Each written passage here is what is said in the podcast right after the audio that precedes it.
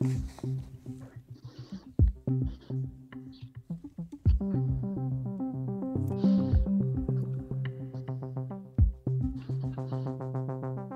du egentlig til landsmødet? Eller til årsmødet?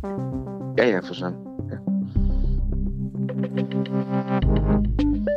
Bare sige her. Godmorgen, Anders Levenhardt, politisk redaktør på BT. Uh, hvad, hvad vil du sige, det vildeste var, der skete på, øh, på Dansk Folkepartis årsmøde? Det var nok øh, Pia Kærsgaard, øh, som i jo flere omgange, egentlig både lørdag og søndag, var, øh, kan man sige, meget øh, direkte i sin udtalelse til pressen, og ikke rigtig lagde fingre imellem, øh, sendte sådan direkte øh, beskeder til Tulsendal gennem pressen om, at nu forventer hun, at der bliver slået hårdt ned på uromager, øhm, og hun vil heller ikke gå ind og afvise, at hun senere, måske efter kommunalvalg, kunne øh, gå efter formandsposten. Så på den led, så var det hende, der ligesom holdt liv i de her interne øh, skamysler, mens at flere andre øh, i toppen af partiet forsøgte ligesom at lægge det bag sig. Ja. Hvorfor var det vildt, vil du sige, at, at hun gjorde det? man kan sige, at når Pia Kærsgaard siger noget, selvom at hun ikke sidder i hovedbestyrelsen, selvom hun ikke sidder i partiledelsen, så har det bare, det har bare en, et slag i sig, fordi hun er den, hun er, og fordi at baglandet lytter til hende i udpræget grad. Øhm, og også fordi det, kan man sige, det, at hun ikke vil gå ud og afvise, at hun vil øh, stille sig op øh, som formand, hvis nu man får et, et meget, meget dårligt kommunalvalg, jamen det er jo også en, det er også en trussel mod Christian Tulsendal, og det er jo ingen, det er jo ingen hemmelighed, at de to har i flere år haft et meget dårligt øh, sådan forhold, øhm, og har slet ikke været på bølgelængde. Ja. Øhm, og Christian Tulsendal har behov for, at Pia øh, Kærsgaard ligesom, ligesom også sætter sig lidt til rette og passer sit ordførerskab, og ikke øh, bliver ved med at gå ud i pressen og komme med de her direkte udtalelser og beskeder til ham. Hvordan har de haft et dårligt forhold de sidste par år? Jamen, altså, man kan sige, der har jo, der har jo sådan, på det personlige plan, har de, har de måske ikke klinget øh, helt så godt, og så kan man sige, Pia Kærsgaard har jo været meget øh, irriteret og påvirket osv. over de her ekstremt dårlige meningsmål, ikke mindst dårligt valg i 2019. Øhm, og hun har måske ikke har, haft den tillid til, at Christian Thulsen der ligesom kunne løfte det, øhm, det her parti. Og det er jo også fordi, at der har været dokumentariske perioder, der har været skænderier i pressen, læk osv., og hun har altså ment, at Christian Tulsendal har været for svag i forhold til at slå ned på de her uromager. Det kunne eksempel være Martin Henriksen, som jo den seneste tid har udfordret udlændingelinjen, som han har ment var for slap. Og det er jo altså Pia Kærsgaards overførerskab, øh, og det har hun også været meget direkte omkring, at det øh, synes hun var øh, langt, langt over grænsen, at Christian Tulsendal ikke offentligt i rette sagde Martin Henriksen. Så det er også det der med, at, at der, der ligger også noget sådan personligt i, at Christian Thulsen Dahl måske ikke har beskyttet Pia, men i højere grad også, at han ikke har taget hende helt med ind i det varme bord, altså i, i toppen af ledelsen, og hun måske har følt, at hun er blevet kørt en lille smule ud på et tidsspor, og ikke fået den Er hun det? Er hun blevet kørt ud på et tidsspor? Man kan i hvert fald sige, at Pia Kærsgaard også efter øh, valget i 19 jo ikke øh, har været en del af, af ledelsen, og hun har heller ikke haft så meget indflydelse øh, i forhold til øh, beslutninger i partiet og linje og så det organisatoriske osv., som hun måske øh, ønskede. Og det er da heller ingen hemmelighed, at Pia også har været interesseret i at få en mere central rolle i partiet, mm. end hun egentlig har haft. Hvor, hvor ved du det fra? Det ved jeg jo dels, fordi at jeg har talt med rigtig mange kilder i Dansk Folkeparti løbende, øhm, som, øhm, som ligesom også sådan, kan man sige, fortæller, hvad det er, der ligesom sker i partiet.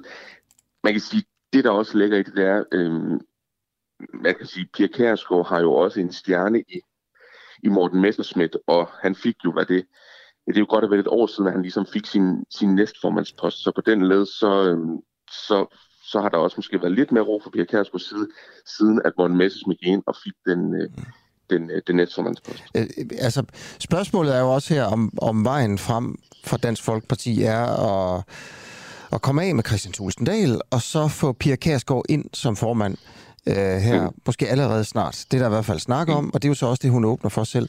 Altså, hvad er scenariet her, at, at man skal have et kommunalvalg, og så går det måske dårligt igen for Dansk Folkeparti, og så træder han ned selv, og så, altså, så træder hun op i en periode?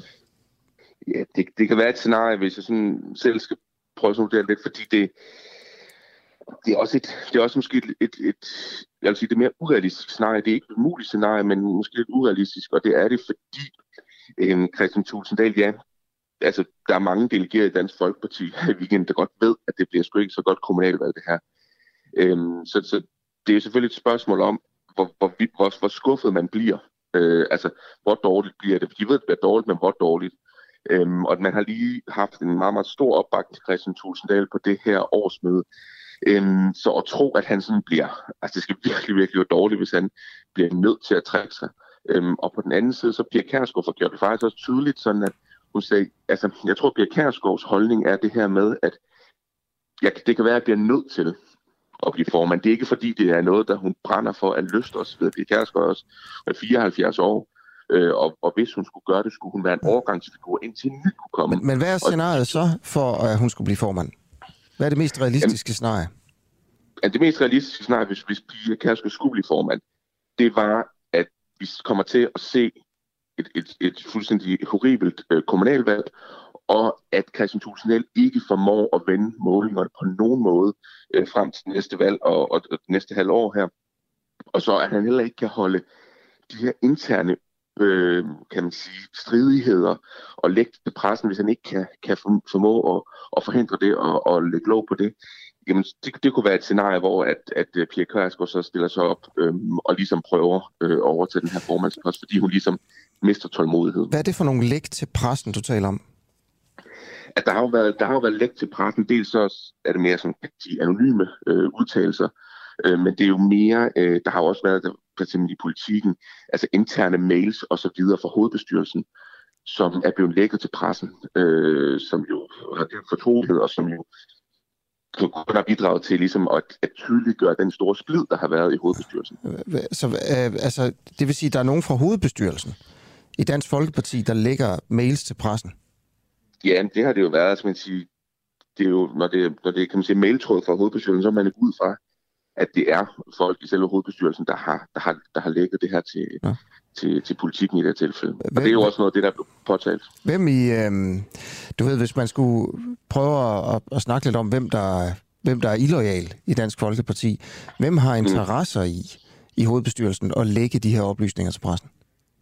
Jeg ved overhovedet ikke, hvem der har, har lægget øh, de her oplysninger, men man kan sige, der har været nogle fraktioner i, i hovedbestyrelsen i hvert fald, hvor man på den ene side har haft øh, Peter Kofod, øh, EU-parlamentariker, øh, og Anders Vistisen, øh, som, har, som har stået øh, tæt sammen. Og så har de i høj grad øh, haft konflikt med Martin Henriksen øh, og Erik Høgh Sørensen, som, som så ikke fik genvalg, han nordiske folketingsmedlem.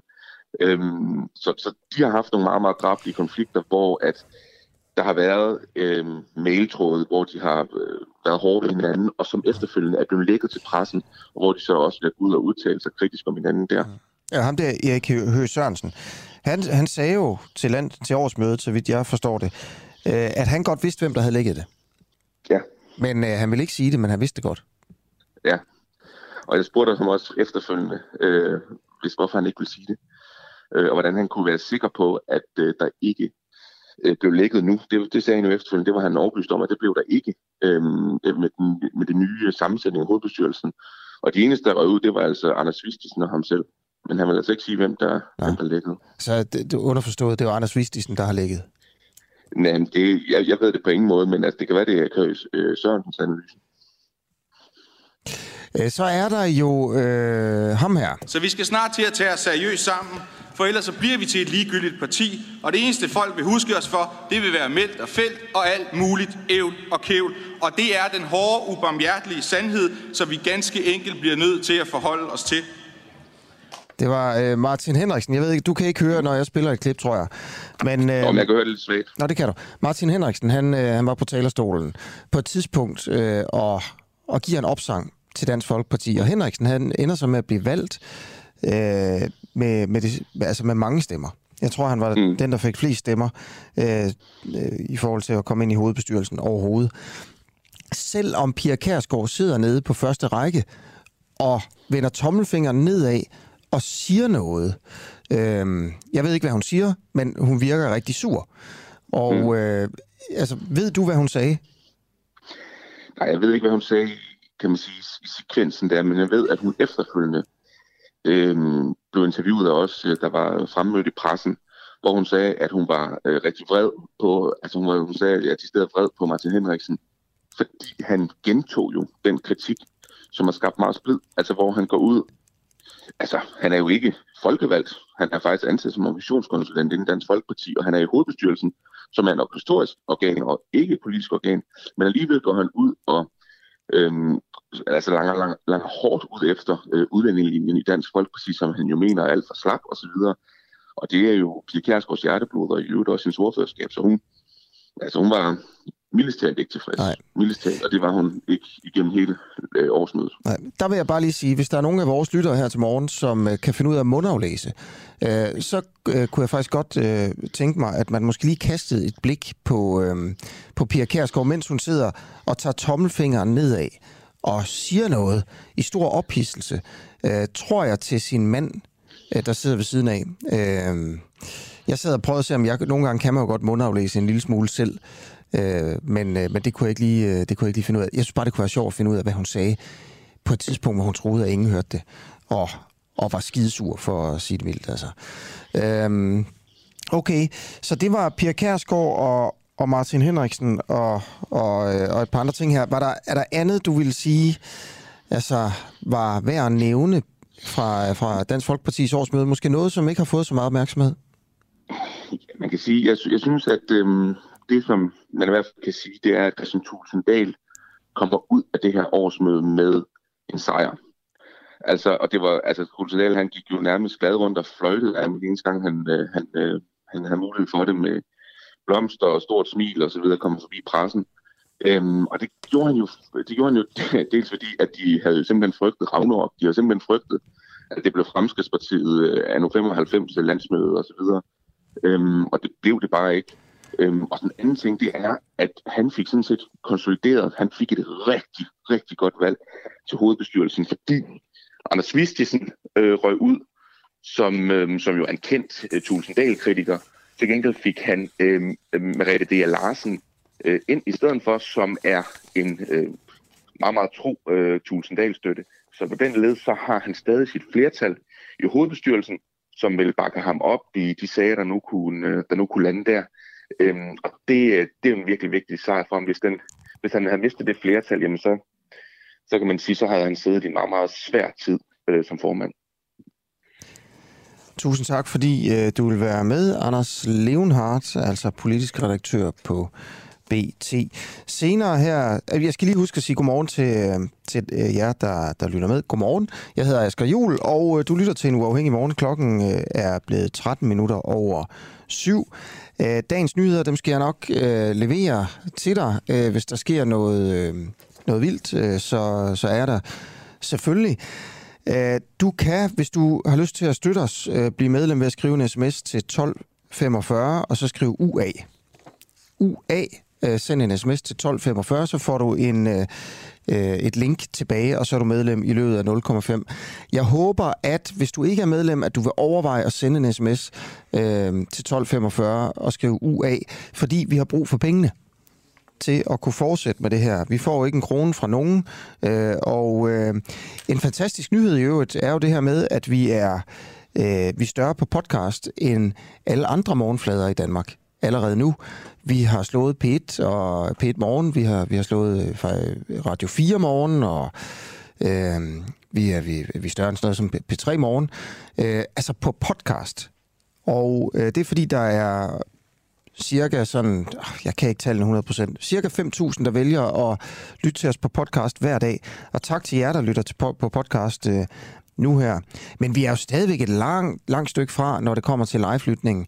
Øh, det er jo kun via øh, vores, øh, vores app, og så DK4 DAP, og så Facebook øh, Live, at vi sender. Vi har jo ikke et FM-bånd som de andre. Øh, men vi har brug for penge til at udvikle vores journalistik. Vi har brug for penge til at få lavet vores app endnu bedre, så vi kan komme ud til til flere.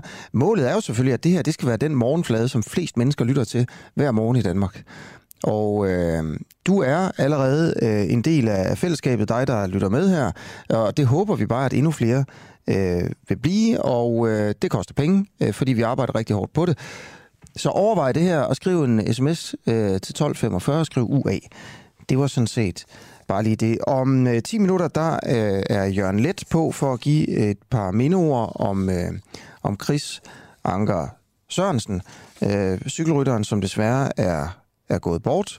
Øh, så har vi også nyt fra Tornby Kommune, hvor ledelsen til synligheden er så dårlig, at der har været syv jobcenterchefer på syv år.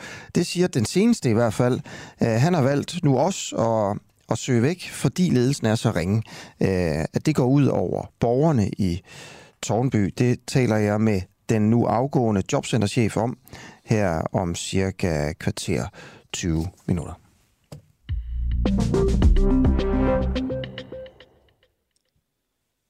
Ja, så har vi kørt med, med øh, flyvende udskiftning endnu en gang, og øh, jeg er lige i studiet. Mit navn er Nikolaj Jul, og øh, jeg skal snakke med Jens Christian Lytken, som er gruppeformand for Venstre i Københavns borgerrepræsentation. Og det, jeg skal spørge ham om, det er, om modstanderne af byggeplanerne på Lærkesletten på Amagerfællet er naturens talibanere. Og grunden til at spørge dig om det, Jens Christian Lytken, godmorgen, det er... Ja, godmorgen. Øhm, det er, at du i et indlæg på Jyllandsposten har skrevet, at de såkaldte naturtalibanere ser en gammel losseplads som uvurderlig natur på grund af vandsalamanderens tilstedeværelse. Du vil simpelthen hellere have boliger til københavnerne end vandsalamander til eliten. Øhm, og jeg vil godt tænke mig at starte med at spørge dig, Jens Christian. Har modstanderne af byggeriet på Amagerfældet noget som helst til fælles med Taliban?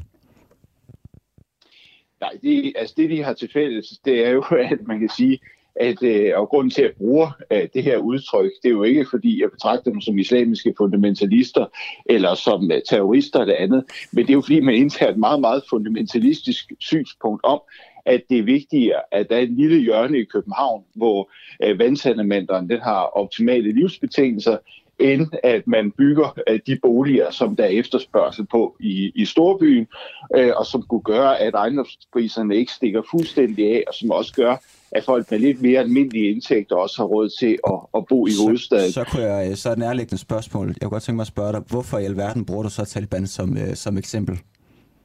Jamen, jeg, det, jeg, jeg, jeg bruger det, det her for, udtryk jo som... Er det for at skabe debat, du bruger det? Eller, eller fordi nej, jeg bruger det her udtryk nu, for at... Nej, jeg gør det for at trække op, hvad, hvad det her det egentlig drejer sig om, for nu den her diskussion om Arvon er jo druknet i, i retssager frem og tilbage, og det bliver meget teknisk omkring uh, naturbeskyttelsesloven og uh, Natur 2000-områder, alle mulige ting, uh, som er ret svært at forholde sig til, og som jeg synes, også synes er ret svært at sætte sig ind i. Og så må man ligesom gå et skridt tilbage og sige, hvad drejer det her så egentlig om?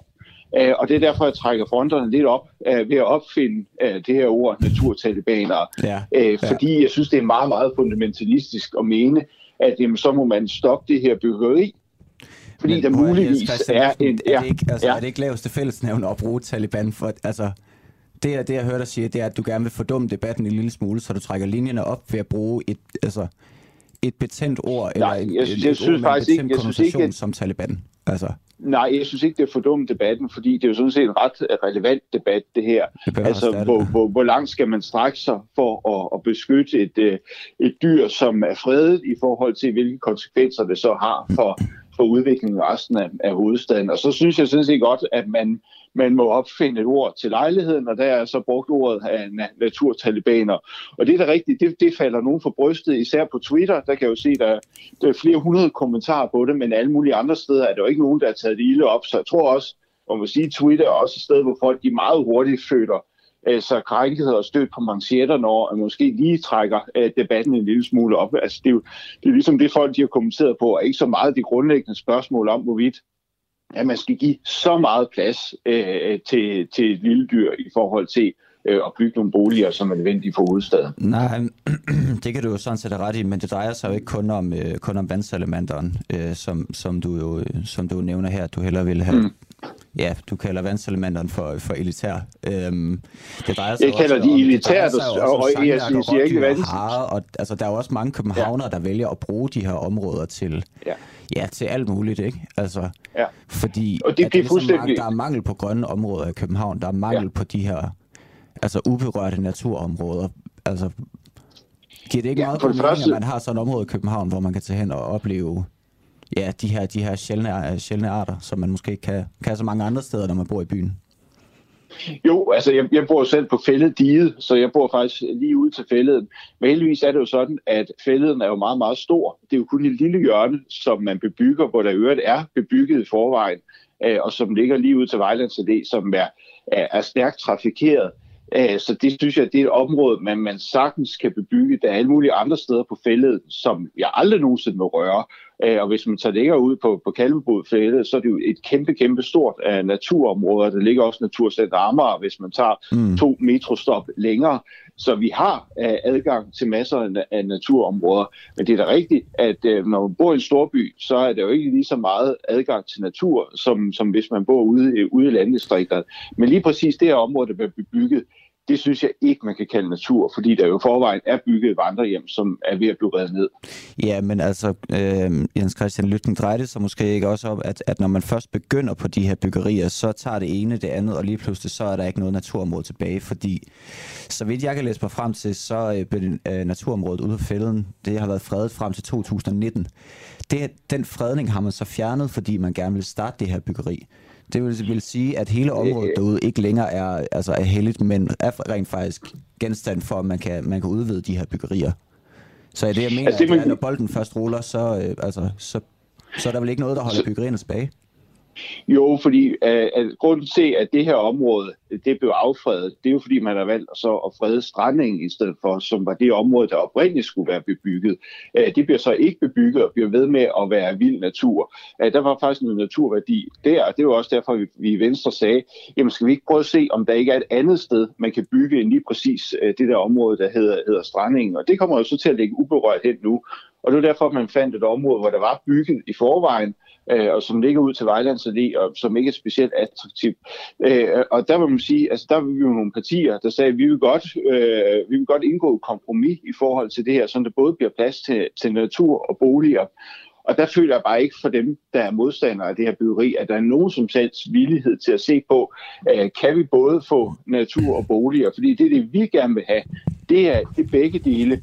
Øh, vi har ikke det her øh, meget firkantet synspunkt om, at der overhovedet ikke må blive bygget nogen som helst steder, fordi man har jo ikke hele kommunen. Det svar, når du siger, at du gerne vil have begge dele. Du kan vel ikke få begge dele, Ja, ja, ja, ja, bevares, bevares, det er du der. Men, men, altså, nu har jeg jo selv været med i processen til at finde et andet byggefelt, så ja.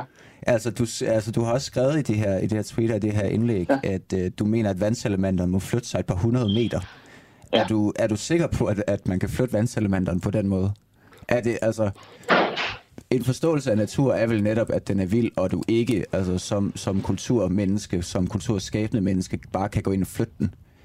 Altså, det er jo ikke sådan, sige, det er ikke sådan naturen fungerer, Jens Christian Lytten. Så er du sikker på, at man kan flytte sig? Altså, man sige, der hvor den bor nu, det er jo lige klods op og ned af en meget, meget trafikeret vej. Der er masser af aktivitet i området, fordi der, der er bebygget i forvejen, der færdes mange mennesker der. Så det der med at kalde, at det er fuldstændig uberørt øh, og, og vild og fri natur, det der område der. Det er simpelthen ikke rigtigt. Den er jo nødt til at flytte sig, fordi der hele tiden... Generelt, jeg mener naturen, naturen generelt. Altså, at naturen ikke nødvendigvis altså, gør lige præcis, hvad mennesket har lyst til, at det skal, det skal gøre.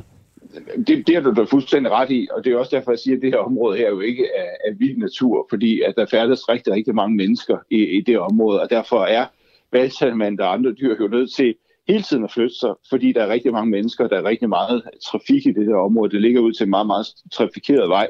Øh, så det er jo en anden form for natur, end, end hvis man er på, øh, på, på klosterheden, øh, hvor, hvor vandselementerne også lever, for eksempel. Mm. Så, altså, men det virker bare som om, så skal man presse vandselementerne endnu mere. Altså, det er jo jeg, jeg, jeg forestiller mig bare, at man bør gøre mere for biodiversiteten, når man, øh, end, end, end man gør. Bør gøre ja, og for, det, det må sige, og det, det er jeg jo fuldstændig enig i, så er det bare et spørgsmål om at gøre, noget, gøre det rigtigt for biodiversiteten ved at lade være med at bygge, bygge på Amagerfællet. Øh, der er måske andre steder, hvor man kan få mere biodiversitet øh, ud af pengene end en stoppe stor byggeri. Man kan jo også gøre andre ting i hovedstaden. Vi har foreslået, at man skal så blomsterstriber rundt omkring i byen, fordi det er jo noget med til at gøre, at øh, bierne de har nogle levesteder. Det er sådan nogle øh, greb, der giver mening i en storby, mm. hvorimod øh, når man er ude i landdistrikterne, så er nogle andre greb, der giver mening med at frede nogle store områder, øh, lave nogle, nogle, nogle store sammenhængende naturområder. Men inde i en storby, der, der er det altså ikke det greb, der, der giver mest mening, det her med at lade være med at, at bygge på, på Amagerfældet. Okay, det får man ikke særlig meget natur for. Til byerne. Jo, det gør det. Altså, som, som jeg sagde tidligere med, for eksempel at København som eksempel. Hvor skal, ja. hvor skal den biodiversitet så være i København? Ja, det kan man jo gøre ved for eksempel at så, øh, så blomsterstriber. Ja, men hvor, øh, have, have by, jeg, jeg er med på, hvad, Jamen, der er, masser, på, der er masser af steder. Jeg, jeg er lidt ude efter et konkret område, så vi kan sige, altså, så vi kan sige til, øh, til tilhængerne af Amagerfældet, at bare roligt, vi har et andet område klar til jer. Altså, vi har ikke et andet område klar til, øh, altså til vandsalamandan, ud over resten af Amagerfældet, og det er jo 93 procent af Amagerfældet, mm. øh, som bliver ved med at være uberørt. Øh, men det man så kan gøre, som jeg synes giver mening i, i en stor by, det er jo, når man har et lille areal på, på nogle få kvadratmeter, at sørge for at så nogle vilde blomster der, sådan at der er tilholdssteder for bier og insekter, øh, som også er truet af, af, af, af udryddelser, og som lider under, at, at biodiversiteten er faldende. Og det er sådan nogle greb, der giver mening i en storby. Vi er også øh, bybier, det er jo også noget, der, der giver mening i en storby. Men lige præcis at tro, at man kan redde naturen og biodiversiteten ved øh, at lade være med at bygge på et meget, meget lille areal på, på Amagerfældet, det, det giver altså ingen mening. Okay, sådan, øh, sådan lød det fra Jens Christian Lytken, der er gruppeformand for Venstre i Københavns Borgerrepræsentation, der gerne vil have begge dele. Du lytter lige nu til en uafhængig morgen. Kritisk, nysgerrig og levende radio, som politikerne ikke kan lukke. Vi sender live alle hverdage fra klokken 7 til 9. Lyt med via vores app på DK4 DAB, fra vores Facebook-side, eller hvis du bor i hovedstadsområdet på FM-båndet 102,9. Tak til dig, som gør det muligt. Fire minutter i øh, halv øh, otte. Øh, lidt øh, nyheder fra, fra i dag. I Rusland har kommunisterne fået cirka 20 procent af stemmerne øh, til, til parlamentsvalget. Mega spændende og overraskende, synes jeg. Altså, det kan godt være, at det ikke er overraskende for en eller anden øh, analytisk øh, ekspert i Rusland, men 20 procent til kommunisterne alligevel her i 2021. Forklaringen er angiveligt, at øh, oppositionen i Rusland har formået at stå sammen og støtte den kandidat, der til enhver tid i en valgkreds øh, har den største chance for at vinde over Putins parti. Og øh, det har kommunisterne så haft den største chance for, og så har man altså stået sammen. Og det har så gjort, at 20 procent af stemmerne er gået til, til kommunisterne i Rusland. Øh, det gør dog ikke øh, så meget for Putin, øh, fordi øh, han har fået, jeg mener det er omkring 46 procent af stemmerne, stemmerne til sit parti i, øh, i Dumaen. Så han sidder stadigvæk rimelig godt på det i, øh, i Rusland. Øh, så er der en vulkan, der er gået i udbrud øh, på de kanariske øer. Hvis man går ind på ekstrabladet.dk, altså EB.dk, så kan man se nogle ret vilde billeder. 5.000 mennesker er blevet evakueret øh, fra øh, fra La Palma, og det er en, en vulkan, der hedder Cumbre Vieja. Og øh, den er altså, øh, ja, den er i udbrud, og så vi se, øh, hvordan det går. Det er ikke noget nyt, det har den været øh, mange gange øh, inden for de seneste par hundrede år, men øh, når man ser på de her billeder, så må man bare sige, øh, det ser vildt ud. Og 5.000 evakuerede er jo heller ikke sådan forsvindende lidt. Så øh, vil jeg lige nævne øh, et par andre øh, historier her. De radikale har også holdt, øh, holdt øh, landsmøde her i weekenden, og... Øh, der, er, der har man lavet nogle nye regler. Der er simpelthen kommet, øh, kommet nogle nye, nye retningslinjer ud, der handler om, øh, at, at der er ting, man ikke må længere, fordi at øh, partiet jo har været igennem sådan en masse krænkelsesager. Øh, der er øh, nye regler, der beskriver uacceptabel adfærd, og det er sjofle vidigheder og kontinuerlige kommentarer om andres tøj, som falder uden for relevant kontekst blandt andet. Ikke flere sjofle vidigheder i de radikale, det er simpelthen står sort på hvidt nu her. Øh, heller ikke uønskede berøringer og nedværdigende kommentarer på baggrund af køn. Øh, det har man simpelthen altså, ment var nødvendigt at skrive ned i, hos, de, hos de radikale. Det er jo sådan, har jeg hørt en gang, at hvis man skal finde ud af, hvad folk gjorde i gamle dage, for eksempel i middelalderen, hvor man ikke har nogen kilder overhovedet på, hvad almindelige mennesker foretog sig, så skal man bare se på loven. Så skal man se, hvad var forbudt. Så finder man ud af, hvad folk gjorde, fordi ellers er der ingen grund til at lave en lov imod det. Så er der en interessant historie øh, på, øh, på politikken. Det er faktisk på forsiden af politikken her til morgen. Øh, om nogle danske kunstnere, der, der skaber en masse ballade i Polen, øh, fordi at der er en eller anden øh, udstilling, øh, øh, hvor, hvor der er en dansk kunstner, der åbenbart står i Polen og råber nigger, nigger, nigger og det har skabt en stor vrede. Øh, kunstudstillingen bliver øh, for kritik for at være racistisk og antisemitisk og sådan noget. Og det er så en dansker, der laver ballade dernede. Og øh, så er det jo klart, hvem, hvem er det? Jeg har den her danske kunstners telefonnummer øh, i min telefon. Og hvis han kan stå dernede og råbe nigger, nigger, nigger, så kan jeg vel også ringe til ham sådan en morgen her, uden at spørge om lov først. Nu må vi se.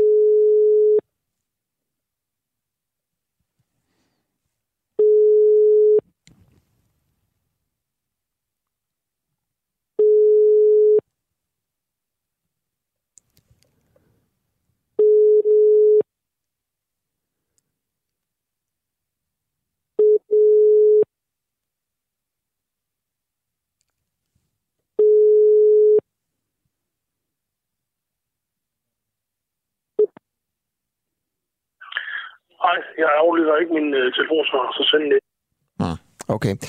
Jamen, øh, jeg må prøve at se, om, vi kan, om jeg kan få fat på måske næste time. Øh, den her danske kunstner ser ud til at være Uwe Max Jensen, øh, provokunstner. Øh, han har blandt andet, altså jeg ved ikke, han har lavet så mange ting. Det er tit noget med at være nøgen og, og, og lave lort. Og han har for eksempel også tisset ned af rundetårn, øh, som et kunstværk, og så skulle han løbe ned for at se, hvor, hvor hans tis det ramte henne. Og når han så havde fundet ud, af det, fundet ud af det, så var kunstværket forbi. Han har også stillet op for Paludans parti, Stram Kurs.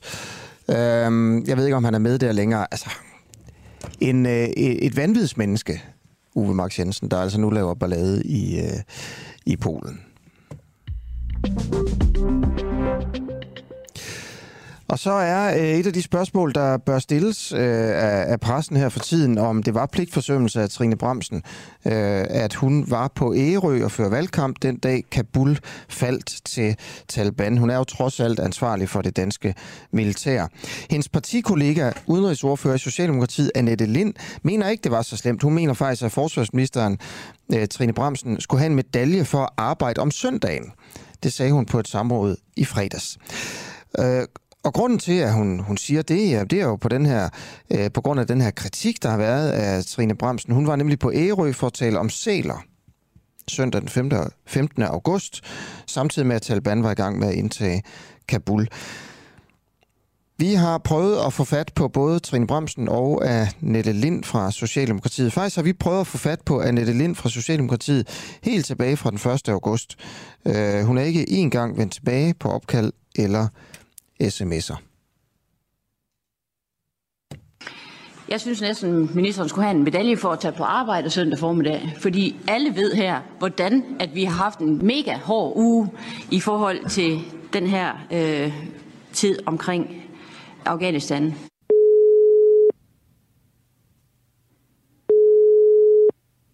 Hej, du ringer til Annette Lind. Jeg kan ikke tage telefonen lige nu, men send en besked eller ring igen. Tak. Hej øh, Annette Lind, det er øh, Alexander Lorentzen. Jeg ringer inden fra en uafhængig øh, morgen.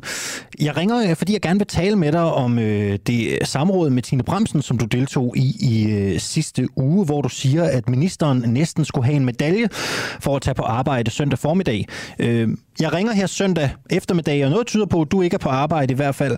Men ring gerne tilbage. Jeg kunne godt tænke mig at høre, hvad det er for en medalje, du helt konkret synes, øh, forsvarsministeren øh, skal have. Vi snakkes forhåbentlig. Hej!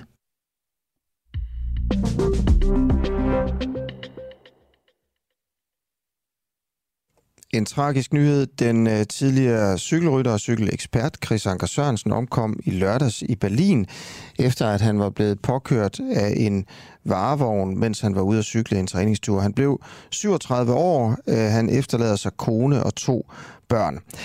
Øh, han var i Belgien for at dække VM i cykling for TV2, og øh, min kollega Alexander Vils Lorentzen ringede til en anden cykelekspert, Jørgen Let, for at spørge, hvordan han modtog nyheden om Chris Anker Sørensens død. Og øh, her kommer interviewet med Jørgen Let. Jamen, det må jeg sige, det er jo et chok. Det er simpelthen et chok.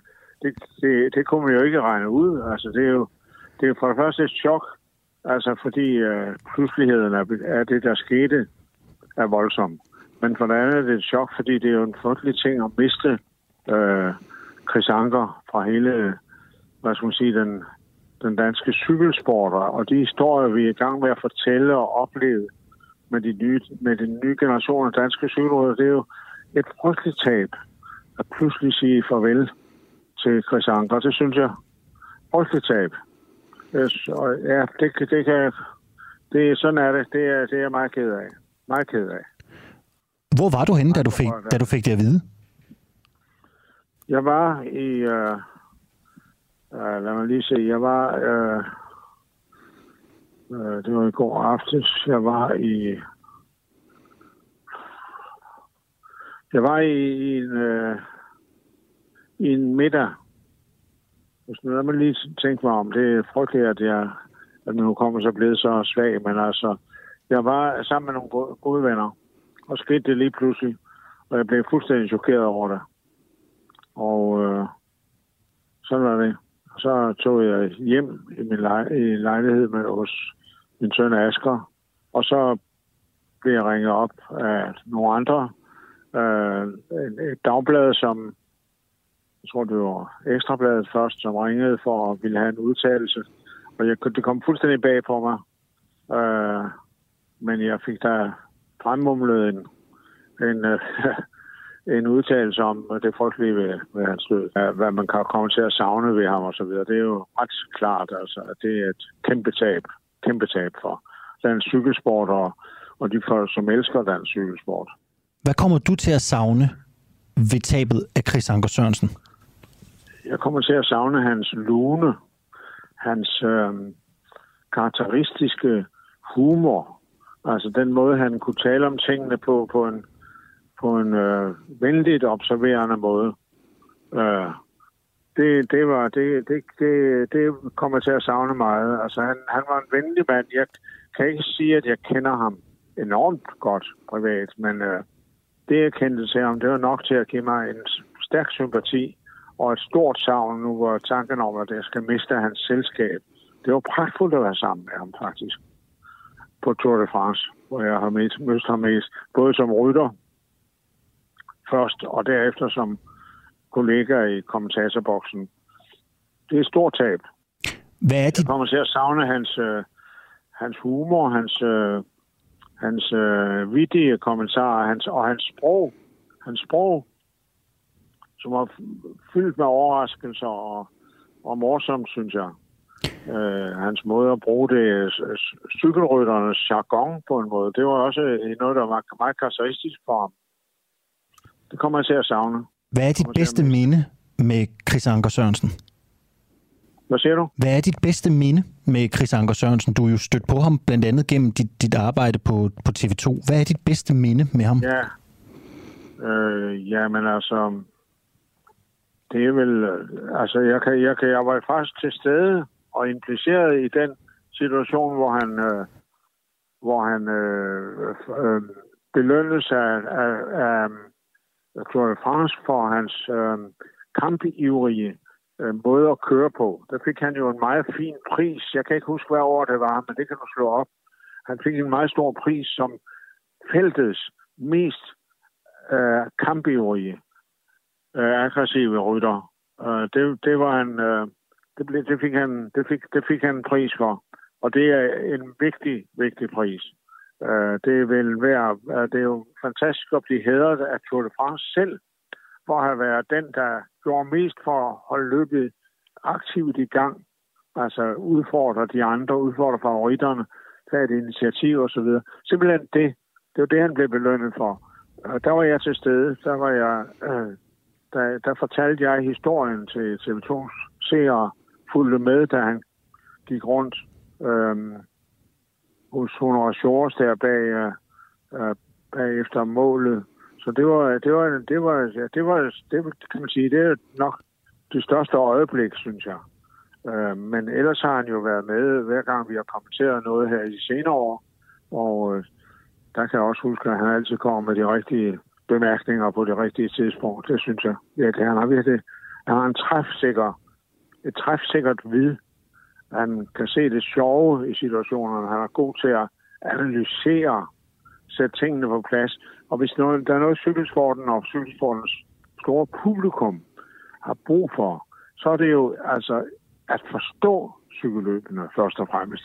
Simpelthen at få forklaret, hvad det er, der sker, så man kan se med sine egne øjne. Ja, det er rigtigt, men det er jo ikke altid, man kan se sammenhængende. Der har man brug for sådan en som, som Chris Anker, og også for den sags skyld Rolf Sørensen, altså som har været i cykelsporten og som har en, øh, en, øh, en inderlig og en professionel forståelse af, hvad det egentlig er, der foregår, hvad der egentlig sker, hvem der tænker hvad og hvorfor. Det har vi brug for hele tiden at, at, at blive ført af sjov med. Og der, der var han en, en, en fremragende øh, en fremragende kommentator. Chef, ekspertkommentator, som man med rette kalder det. Jørgen Let, du var lidt inde på det i starten. Du siger, at det her er et stort tab også for cykelsporten og for den udvikling, der har været i cykelsporten. Kan du sætte et par ord på, hvor stor et navn Chris Anker Sørensen har været i, i dansk, men måske også i international cykelsport? Ja, man kan jo se nu, at, øh, at han altså allerede i dag, altså ja, netop i dag selvfølgelig, at der bliver han jo også hyldet og rost af internationale medier. Øh, man kan se, der er en stor, øh, der er en stor, øh, der bliver, der er en stor ære for ham hele tiden. Nu ved han død også, der bliver han for han virkelig at vide, hvor meget han har betydet. Det, det er jo sent at få det at vide, men det er, han, jeg tror aldrig, aldrig, han har været i tvivl om det, fordi han har haft en voksende selvtillid som kommentator, og hans kompetence er faktisk kun været stigende, kan man sige. Øh, altså, eller, eller hans mod til at fortælle det, der sker i cykelsporten. Så jeg var det, du spurgte om. Altså, øh, Ja, det var, hvor, hvor, hvor vigtig han har været for dansk og international cykelsport. For den internationale cykelsport, var det det, du ja. til det udtryk? Ja. Jamen, det er svært at sige, men han har været... Det er lettere at sige, hvad han har gjort for dansk cykelsport. Fordi der han, der har han været en, klart en, en, en mand, som har promoveret dansk cykelsport og forklaret, hvad der sker. Også sådan, at det kunne forstås i udlandet. Så jeg er også ofte ham, som blev spurgt til råds af vores udenlandske kolleger, øh, som respekterede ham, fordi han, han øh, forstod, hvad der skete. Han var i stand til usentimentalt og, at skille elementerne fra hinanden og forklare, hvad der sker. Hvad et plot for eksempel kan udvikle sig som i et cykelløb. Undskyld. Det er helt i orden. Ja. Tusind tak skal du have, fordi du havde lyst til at fortælle om øh, Chris Anker Sørensen. Det er jo virkelig, virkelig glad for, at du ja, havde lyst til. Det er godt. Var det, kunne du bruge det? Ja, det var altså Jørgen Let her om øh, Chris Anker Sørensen, der desværre er gået bort alt, alt, øh, alt for ung, selvfølgelig. Andre ting her til morgen øh, om, øh, altså hvor kommer den næste økonomiske krise fra, og hvornår rammer den? Det er vel et spørgsmål om, om hvor og hvornår, og ikke så meget om. Altså de plejer jo så, det kan jo selvfølgelig være, at vi lever i en, i en tid, hvor historien på en eller anden måde er slut. Men øh, hvis det går, som det plejer at gå, så kommer der en økonomisk krise igen på et tidspunkt. Øh, kommer den måske fra Kina? Kommer den måske på grund af noget så helt almindeligt som øh, en krise i boligmarkedet? Det er en mulighed. Jeg taler med øh, en økonom om det om øh, kvarter 20 minutter. Det drejer sig om en, en kinesisk ejendomsudviklervirksomhed. Øh, altså et, et firma, der, der bygger boliger og sælger dem. Det er et, et kinesisk selskab, der hedder Evergrande, som øh, måske er ved at gå konkurs. Firmaet her skylder lidt penge i banken, og det er jo så det, øh, spørgsmålet er, om, om firmaet kan betale det. Øh, og hvis man ikke kan, øh, vil det så være så træls for banken, at, øh, at den vil begynde at, at kræve penge ind fra andre, der skylder, og dermed så spreder sådan en, et, et krak som ring i vandet til andre dele, og måske endda helt til, til lille Danmark. Det her selskab i Kina, der skylder lidt penge til banken, det skylder 2.000 milliarder kroner væk. Men først til en historie om dårlig ledelse i det, det offentlige. Øh, er ledelsen for eksempel i Tornby Kommune så ringe, at det går ud over både medarbejdere, men også går ud over borgere i kommunen i sidste ende. Bo Hammer, han forlod for nylig jobbet som leder af jobcentret i Tornby. Øhm, han er efter eget udsagn den syvende leder på bare syv år, som har valgt at forlade jobbet. Det er ifølge Bo Hammer den samme forvaltningschef i kommunen, der er årsag til, at alle syv ledere har søgt væk. Det skrev han øh, fredag på LinkedIn. En dårlig ledelse øh, er jo selvfølgelig et problem for dem, der bliver ledet dårligt, men når det er det offentlige, så er det jo også et problem for, øh, for alle os andre, fordi at det offentlige jo kommer til at fungere dårligere.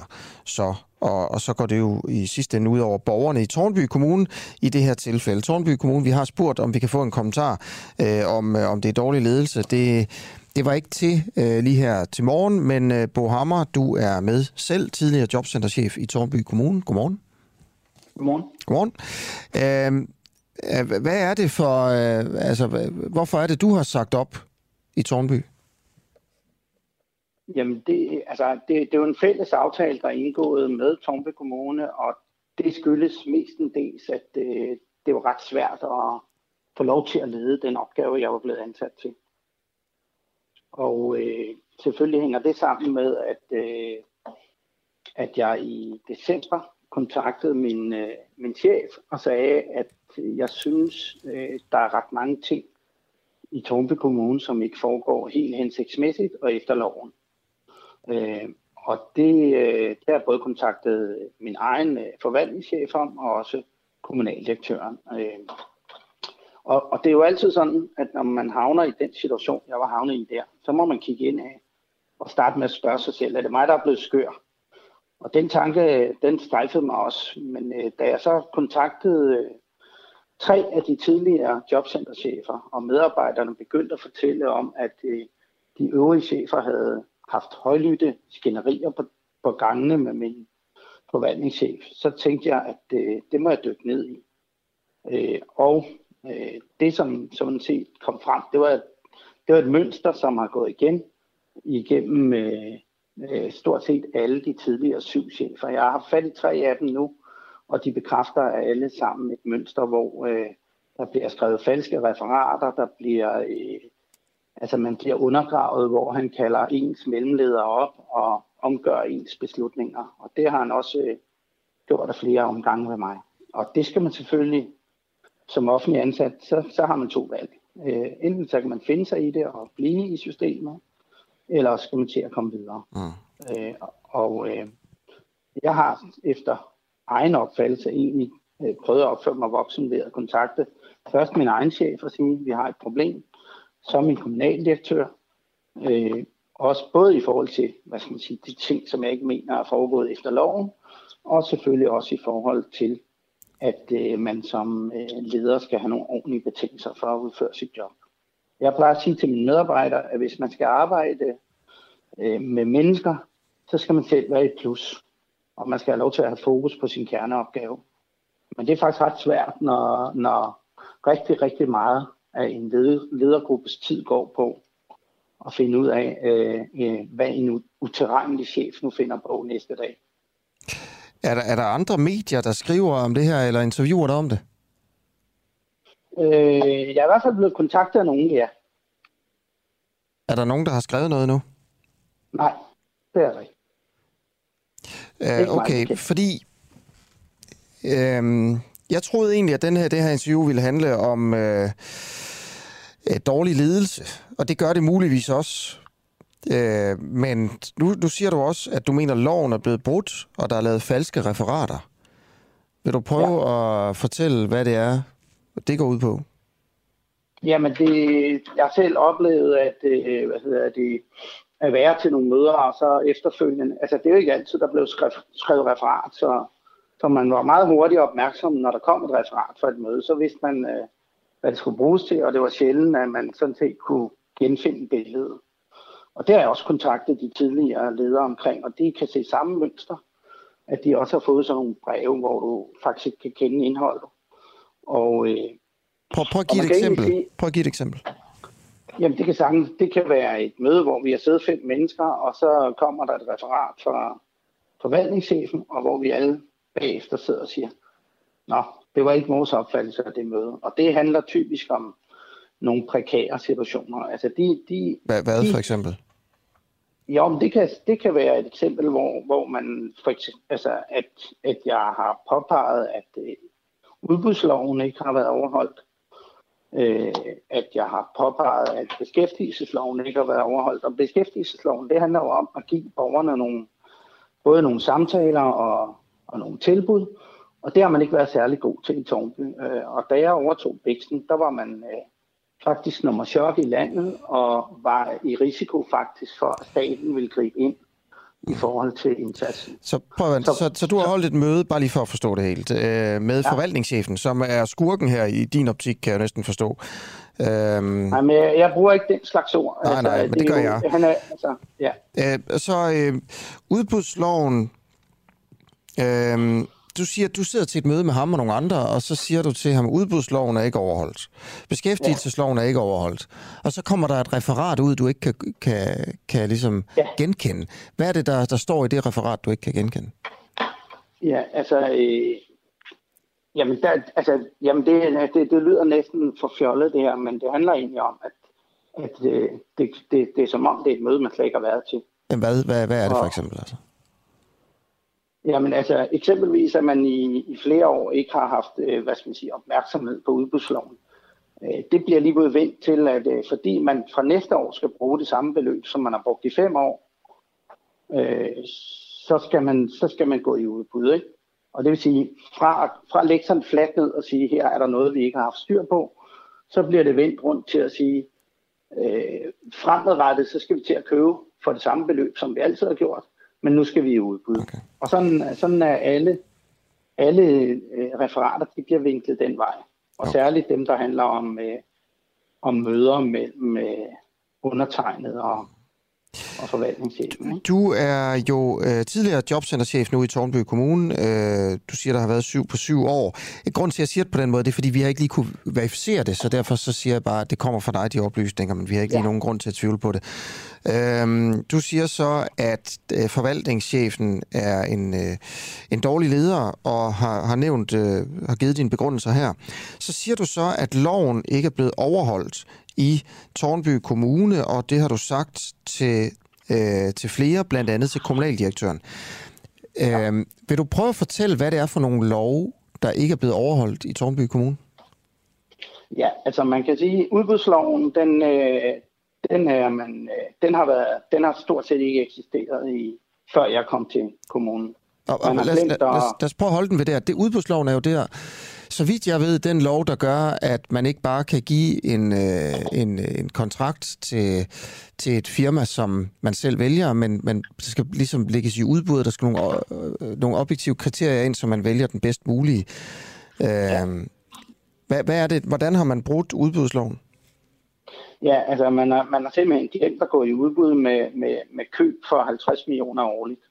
Øh, og det betyder, at nogle af leverandørerne har fået gået langt over de grænser, der er i EU for, hvad man må øh, have kontrakter på, som ikke har været i udbud.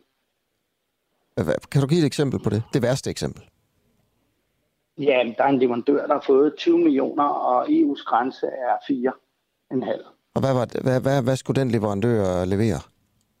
Det har været øh, hjælp til borgerne i form af aktiv tilbud, som det hedder i loven. Altså øh, sådan nogle... Øh aktiverings... Hvad, hvad, hvad er det? Ja, ja, det har været for typiske indsatser, som har handlet om at hjælpe dem tættere på arbejdsmarkedet eller direkte i job. Okay. Og det, det, på et år har det firma fået en, en ordre på 20 millioner? Nej, det har, det har været over, det har været over en, en toårig periode. Ja. Er det, er det et dårligt firma? Var det et dårligt valg at vælge det firma? Øh, det, det, har, det har jeg sådan set ikke forholdt mig til. Jeg har bare forholdt mig til, at, øh, at det skulle have været i udbud, og nu har vi, nu vi, altså det har altså også været med til at rette op på, at man nu er i gang med at lave et udbud, sådan så mm. man får orden på den okay. del af lovgivningen også. Og man kan sige, det andet øh, omkring skærpet tilsyn er jo også en lovgivning og en rettighed for borgerne, at man, men når man modtager en offentlig ydelse, så har man både nogle rettigheder og nogle pligter. Og det som, det, som man ikke har været særlig opmærksom på i Tornby Kommune, det er sådan set at få givet de tilbud til borgerne. Og det vil sige, der, der er jo, hvad skal man sige, nogle intentioner og noget lovgivning, som, som sådan set kommer borgerne til ugunst. Okay. Og så handler den sidste del, og det bliver sådan lidt mere teknisk, at, øh, at jeg har jo også selv kontaktet øh, det, der hedder STAR, altså som er styrelsen øh, på beskæftigelsesområdet, hvor jeg har fremført øh, en række ting, som jeg synes, de skal øh, se efter i søvnene. Øh, og den henvendelse er jo også gået fra start til kommunen, så, så et eller andet sted, så har de jo også fundet anledning til at ville undersøge det, der foregår i Tornby Kommune. Okay. Bo Hammer, øh, jeg tænker, at vi, vi skulle snakkes ved igen i morgen øh, om noget af det her. Øh, og så må vi lige prøve at researche lidt mere på det. Det lyder som en... Øh, øh, det lyder som lidt af en, en skandale, faktisk.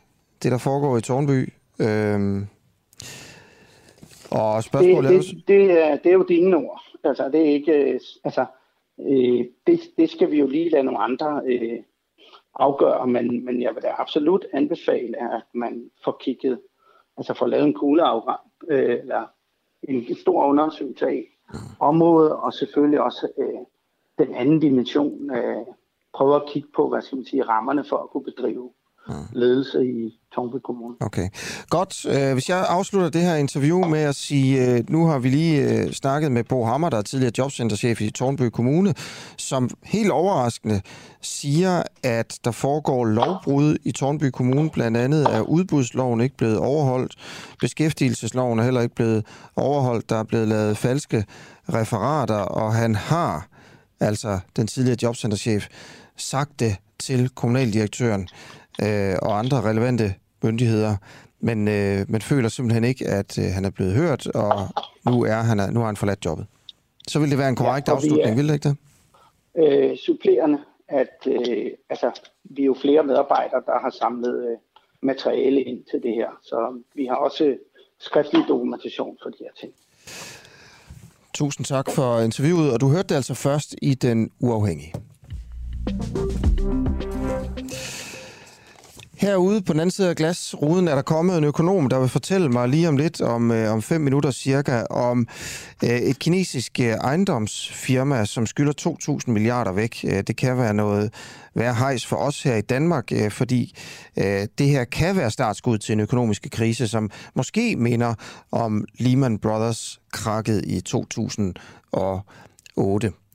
Men først... Øh, til et, øh, til et interview om, om høns, om æglægning og dyremishandling, eller hvad, i Danmark. Øh, fordi øh, spørgsmålet er, om det er fødevareindustriens skyld, at mange danske høns brækker brystbenet, når de lægger æg. Det kom nemlig frem her for nylig, at 85 procent af alle æglæggende høns i Danmark har brud på brystbenet, det vil sige simpelthen altså på knoglerne øh, på brystet, når, altså fordi de lægger æg. Altså de har simpelthen så små kroppe i forhold til æggenes størrelse, at de har brud på deres, øh, deres knogler. Og det er øh, angiveligt ifølge eksperter, jeg har talt med, det er jo, det er jo en sag, vi følger meget her øh, egentlig, fordi at vi synes, det sådan... Øh, øh, på en eller anden måde kunne, kunne være noget, der, der vil få folk til at stands op og sige, okay, det her det skal vi gøre noget ved. Altså flere regler, måske en helt anden måde at producere fødevarer på, i det her tilfælde æg. Øh, det skyldes, at, at man simpelthen har forædlet de her høns igennem, øh, igennem mange år, øh, og, og de, er, de er så blevet så effektive som muligt. Altså store æg er jo godt, små høns er jo, er jo også godt, øh, og så kommer der de her skader på dem, og vi bliver jo bare ved med at, at spise æggene, fordi vi kan godt lide ting, der er billige, og vi kan godt lide ting, der er store, og vi kan godt lide ting, der smager godt om morgenen. Hans Randvig, du er pensioneret lektor fra Landbrug Højskolens afdeling for hus, husdyrproduktion med speciale i fjerkræ og små drøvtykkere. Hvorfor mener du, at 85 procent af de æglæggende høns i Danmark har brud på brystbenene? Jamen det mener jeg, at det er fordi, de er alt for hårdt presset i forhold til at producere tykke og stærke skaller på de mange æg, de lægger. Det er sådan, at hønsene de får blandet formalet kridt i fodret, og det foder, de øh, æder, det er øh, formalet og øh, granuleret, det vil sige, det er presset sammen i sådan nogle små øh, klumper, kan man sige. Og det passerer ret hurtigt igennem fordøjelseskanalen. Og det er sådan, at skallen på ægget er omkring 20 timer om at blive dannet, og øh, passagen igennem fordøjelseskanalen er måske kun 4-6 timer.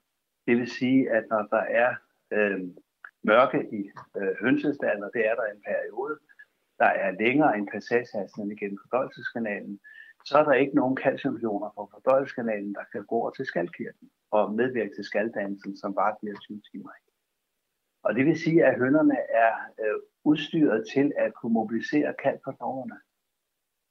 Og når de mobiliserer kalk på knoglerne, så er det består af calciumfosfat, så udskiller de fosfor, og det skal så tilføres igen, og det er et miljøproblem, kan man sige.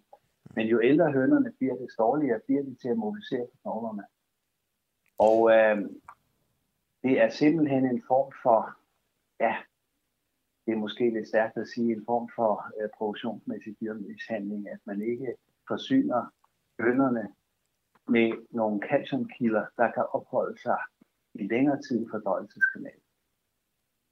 Og der er øh, lavet forsøg med det for mange herrens år siden. Jeg har selv skrevet specielt om det som studerende inde på Landbrugshøjskolen, og der er ikke sket så meget nyt. Der er ikke kommet så meget ny viden om det der, kan man sige. Men hvis man kunne gennemføre at give hønerne nogle partikler, nogle store partikler, måske 3-5 mm store partikler af noget hårdt calciumkarbonat, som kunne blive siddende op i krosen, som er sur, og som afgiver øh, calciumioner løbende over en meget længere periode i de der 4-6 timer, som passagehastigheden for formelle foder at fordøjelseskanalen er.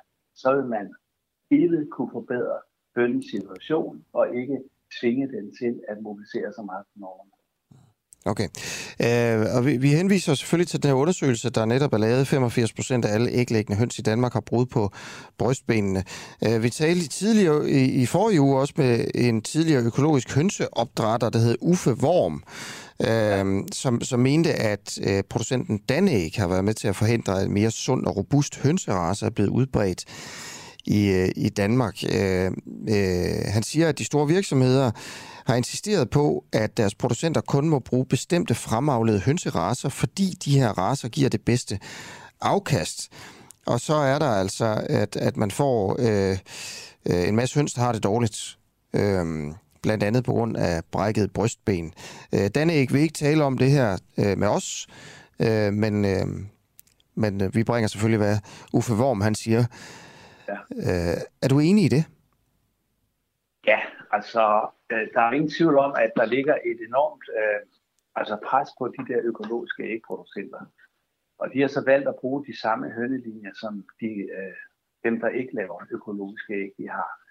Og I har jo sikkert set reklamerne om, at alle skal have råd til økologi. Jamen, hvad bevirker det? Det bevirker, at den producent ude i det sidste ende, han er under økonomisk pres, så skal han skabe sig noget indtjening, for han er jo den, der tager det, der er til orden, og alle andre har fået deres. Ikke? Så er han sådan set nødt til at køre med på den der bølge, øh, at bruge de der høns, der har okay. en ekstrem høj ydelse. Ja. Det sidste spørgsmål, du siger her, du sagde lige tidligere til mig, at det her det er en form for produktionsmæssig dyremishandling.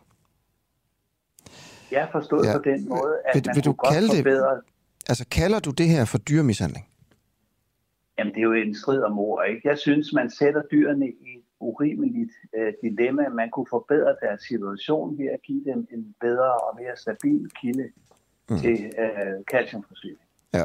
Men det giver nogle tekniske problemer, for blander man det i fodret, så slides de kæder, der er i de der foderanlæg ned fra hjørnerne, sidder der sådan nogle kamhjul og der kommer sådan nogle partikler ind, og de er med til at slide på udstyret. Det er nogle rent tekniske ting, ja, ja, der gør, at man ikke vil til gode se biologi. Men, men det er jeg med på, det jeg skal bare lige høre, fordi det var som om, du sagde det, men alligevel ikke helt sagde det, at det var dyremishandling. Øh, og du har ret i, det er en strid om mor, men det er jo vigtigt øh, i forhold til, om der skal gøres noget ved, ved sådan nogle problemer her. Altså, er der, er der her til morgen en øh, pensioneret lektor fra den på højskolen, som, som er ude at sige, at det, der foregår i øh, de danske æglæggerier, øh, eller hvad man kalder det, at det er dyrmishandling. Så, så er der det. Altså, er det dyrmishandling, eller er det ikke? Hvad vil du sige? Jamen igen, det er en strid Jeg vil sige, det er, man udsætter dyrene for en unødig belastning. Man kunne forbedre ja. deres situation, okay. men det afviger man fra af teknisk grund. Okay, så du vil ikke kalde det dyrmishandling? Jeg vil sige, det er en strid om ord, det er om, hvordan man definerer det. Så ja, ja. Det, øh... Jamen det er det jo. Det er en strid om ord, og det er, hvordan man definerer det. Jeg spørger bare dig. Det er fordi, du sagde det, det før. Du sagde det før, ja, og så, ja, som om du ikke ja. rigtig sagde det alligevel. Ja. ja, det er fordi, jeg er sådan lidt i strid med mig selv om, hvordan man skal se på det der. Okay. Hvis du kommer frem til noget, så, så giver du bare et kald. Uh, hvis du vil kalde ja, det, det for dyremishandling, så, ja. så, så, kommer det jo, så kan det jo være, at du ved, at, øhm, at det kommer lidt, lidt... Det, der jo sker, hvis du bruger ordet dyremishandling sådan rigtigt, øh, ja. så kan det jo være, at det skaber nogle flere overskrifter, og så er der flere, der går op i det. Det er jo bare derfor. Ja, det er muligt, ja. Ja, okay. Fortsat god morgen. Jo, tak. Lige måde. Tak. Hans Hej. Randvig, pensioneret lektor fra Landborg Højskolens afdeling for husdyrproduktion. Han har speciale i fjerkræ, og faktisk også i små drøvtykker. Det var så fjerkræene, det handlede om. Øh, nu her. Nyt fra årsmødet, øh, hvor øh, i Dansk Folkeparti, der har været her over weekenden, øh, det var jo... Øh, der er jo mange forskellige ting at sige om det. Man kunne sige, det er en glad Christian Tulsendal, det var en succes for ham. Man kunne også sige, at det var et kaotisk årsmøde. Pia Kærsgaard var ikke tilfreds. Øh, måske vil hun tilbage. Der er mange sådan små historier fra det, og mange af de historier får vi øh, her øh, om cirka 10 minutter. Øh, vores journalist, min kollega Clara Vind, var faktisk til stede hele weekenden. Efter det skal jeg tale med Eva Flyvholm, der er forsvarsordfører for Enhedslisten. Hun vil have, at vi øh, tager nogle øh, afghanske kvinder til Danmark og giver dem beskyttelse. Øh, men spørgsmålet er bare, hvordan kan man vide, at det er det rigtige, der kommer med? Det er derfor, at Venstre og de konservative har forladt forhandlingerne om, øh, om det her. Så hvordan vil man ligesom sikre sig, at det ikke er en eller anden med, med terrorsympatier eller, eller noget andet, eller, eller bare en eller anden, der har snedet sig ombord på flyet, som kommer til Danmark. Og grunden til, at det er vigtigt, det er jo fordi, når de først er kommet til Danmark, så er det jo rigtig svært at sende dem tilbage igen. Øh, så viser meget historie, at så bliver man i Danmark, når først man, øh, man kommer fra for eksempel Afghanistan. Så det er altså enhedslisten, jeg interviewer om øh, cirka 20 minutter. Men inden ja, så er der øh, så er der simpelthen nyt fra, fra Kina. Lars Christensen, du er økonom, og godmorgen. Godmorgen. Tak fordi du vil komme. Vi skal snakke om den kinesiske ejendomsudviklervirksomhed Evergrande, øh, som jo muligvis, muligvis kan starte en ny økonomisk krise, ligesom den vi så med Lehman Brothers krakket i 2008. Hvor meget er det, de skylder væk? Jamen altså, jeg tror, de, øh, der, der tales om 600 milliarder dollars. Øh, jeg tror, at man skal være, øh, man skal være forsigtig med, man, når man taler om milliarder øh, dollars generelt, og, og, og så se det som i verdensøkonomien. Og jeg har også set den her kommentar om Lehman Brothers. Så synes jeg, vi skal starte med at sige, at nej, det er ikke Lehman Brothers 2. Det kan godt være alvorligt nok, men det er ikke Lehman Brothers. Nej, det er det ikke. Øh, jeg, jeg har siddet her til morgen og sagt 2.000 milliarder i gæld. Ja. Men du siger 600 milliarder dollars, det er jo lidt mere. Det er lidt forfaldende. Så, men, altså, så, det, så, så, så, når du siger, hvad siger du? 2.000 milliarder dollars, ikke? Jo. Ja, jeg siger 600 milliarder dollars. Nå, ja, undskyld, ja, jeg ja. 2.000 milliarder kroner. Nå, okay, ja. ja. Og der skulle sige, det er jo så diskussionen om, ja, det er ikke helt det samme, men, men det, det, det, det, det, det, de, der, de 600 milliarder, det er, det er det, der har været talt om, men, men ja. Okay, altså et stort kinesisk firma, der har en, altså en nærmest astronomisk gæld. Ja, jeg skulle sige, at vi taler her om verdens anden største økonomi i Kina, og vi taler om den største ejendoms, eller anden største ejendomsinvestor i, øh, i Kina. Så det er selvfølgelig en stor virksomhed. Øh, det der er i forhold til, til gælden, det er, hvem er gælden til? Det er til nogle kinesiske banker, og det er til nogle kinesiske private investorer. Og det, der selvfølgelig spekuleres i, det er, kommer Beijing, kommer den kinesiske regering og holder hånden under det her, så at man ikke får nogle finansielle øh, skal man sige, spillover-effekter. Der er en kinesisk bank, der kommer i problemer. Det er jo sådan set det, der forventes. Hvad er, øh, altså, hvad, er, hvad, hvad, hvad kan den negative konsekvens være af, at firmaet Evergrande skylder så mange penge væk og er i økonomiske problemer? Jeg synes måske snarere, at man skal se det her som noget af det, der sker underliggende set i øh, kinesisk økonomi og i forhold mellem den kinesiske stat og nogle kinesiske private virksomheder. At noget af det, som, som har bragt dem i problemer, er, at den regulering, der omgiver selskabet, er blevet strammet i de senere år. Og der er øh, nok ikke nogen tvivl om, at den kinesiske regerings kinesiske myndigheder bliver mere og mere hårdhændet over for en række private virksomheder. Jo. Og det, og der, der, er, der ligger det ene element af, at de bliver trykket, og det andet er givetvis, at de er jo at de er alt for eksponeret. De er simpelthen blevet, de er vokset så store i forhold til, hvad de får indtægter. Okay, men det, jeg, jeg, altså, det er jo ikke... Ja, det var mig, der sammenligner det med Lehman Brothers, men det er jo, det er jo noget, vi har fra flere medier, ja. der skriver det her. Ja, og, jeg, jeg og så synes... derfor så er jeg super interesseret i at finde ud af, hvad kan den negative konsekvens ja, være af det her? Det der, I forhold lige til Lehman. Lehman Brothers var en stor global finansiel aktør, som var forbundet med hele den globale finansielle sektor. Evergrande er ikke en stor global finansiel aktør. Det er en på den måde et lukket system. Og derfor er det her med at sige, nu springer den i luften, så springer hele verden i luften. Den, den sammenhæng er der ikke. Øh, giver det problemer i Kina? Ja, jeg er faktisk mere bekymret om nogle af de, skal sige, hvis man skal sige, bekymret i gåshøjde. Hvad er de politiske implikationer af det her? Ja. Underminerer det troen på det kommunistiske partis styring af det her? Hvad betyder det for de private investorer? Vi har jo set, der har været private investorer, der simpelthen er gået i gaderne og, og sagt, vi vil have vores penge. Øh, og, og, øh, og det er måske der i virkeligheden, når der er større der, ja, der er større bekymringer. Okay. Uh, Evergrande blev stiftet i 1996 af en, der hedder Xue Kar-yan, ja. som i dag er en af Kinas rigeste mænd. Uh, og man red i firmaet der igennem 90'erne og nullerne på ryggen af et byggeboom, som opstod, da alle de her kinesere flyttede fra landet og ind til byerne, og der skulle bygges øh, øh, boliger til dem. Ifølge hjemmesiden, altså Evergrands egen hjemmeside, så ejer firmaet i dag mere end 1.300 byggeprojekter i over 280 byer. Øhm, og så har man også sat sig på andre ting. Man øh, har andel i et elbilsfirma, en fodboldklub, øh, man har ben i turist- og underholdningsbranchen, og man har flere andre datterselskaber. Det er noget, vi har fra forskellige mm. steder på nettet, det her. Altså fra artikler, blandt andet fra tv2.dk. Det skal vi passe på med. Skal det? Nej, jeg, nej, jeg vil jo bare sige, jeg vil jo ikke, det er jo ikke min er der noget, der er forkert, tænker Nej, min, min primære kilde til økonomisk viden er jo ikke danske nyhedsmedier, vil jeg sige. Nej, nej, men er der noget af det, jeg har nej, sagt, du nej, tænker, der er forkert? Ikke, nej, nej, det er som rigtigt. Nå, okay. Så, men, men, men Evergrandes egne oplysninger er jo rigtige. Så det er derfor, der, der er de rigtige informationer, ikke? Okay. Øhm, så altså, jeg starter det her interview med at sige, det kan gå helt galt, agtigt, ikke? Altså, ja. øh, det kan, det kan, der, kan, det kan, der kan komme en eller anden økonomisk krise ud af det her.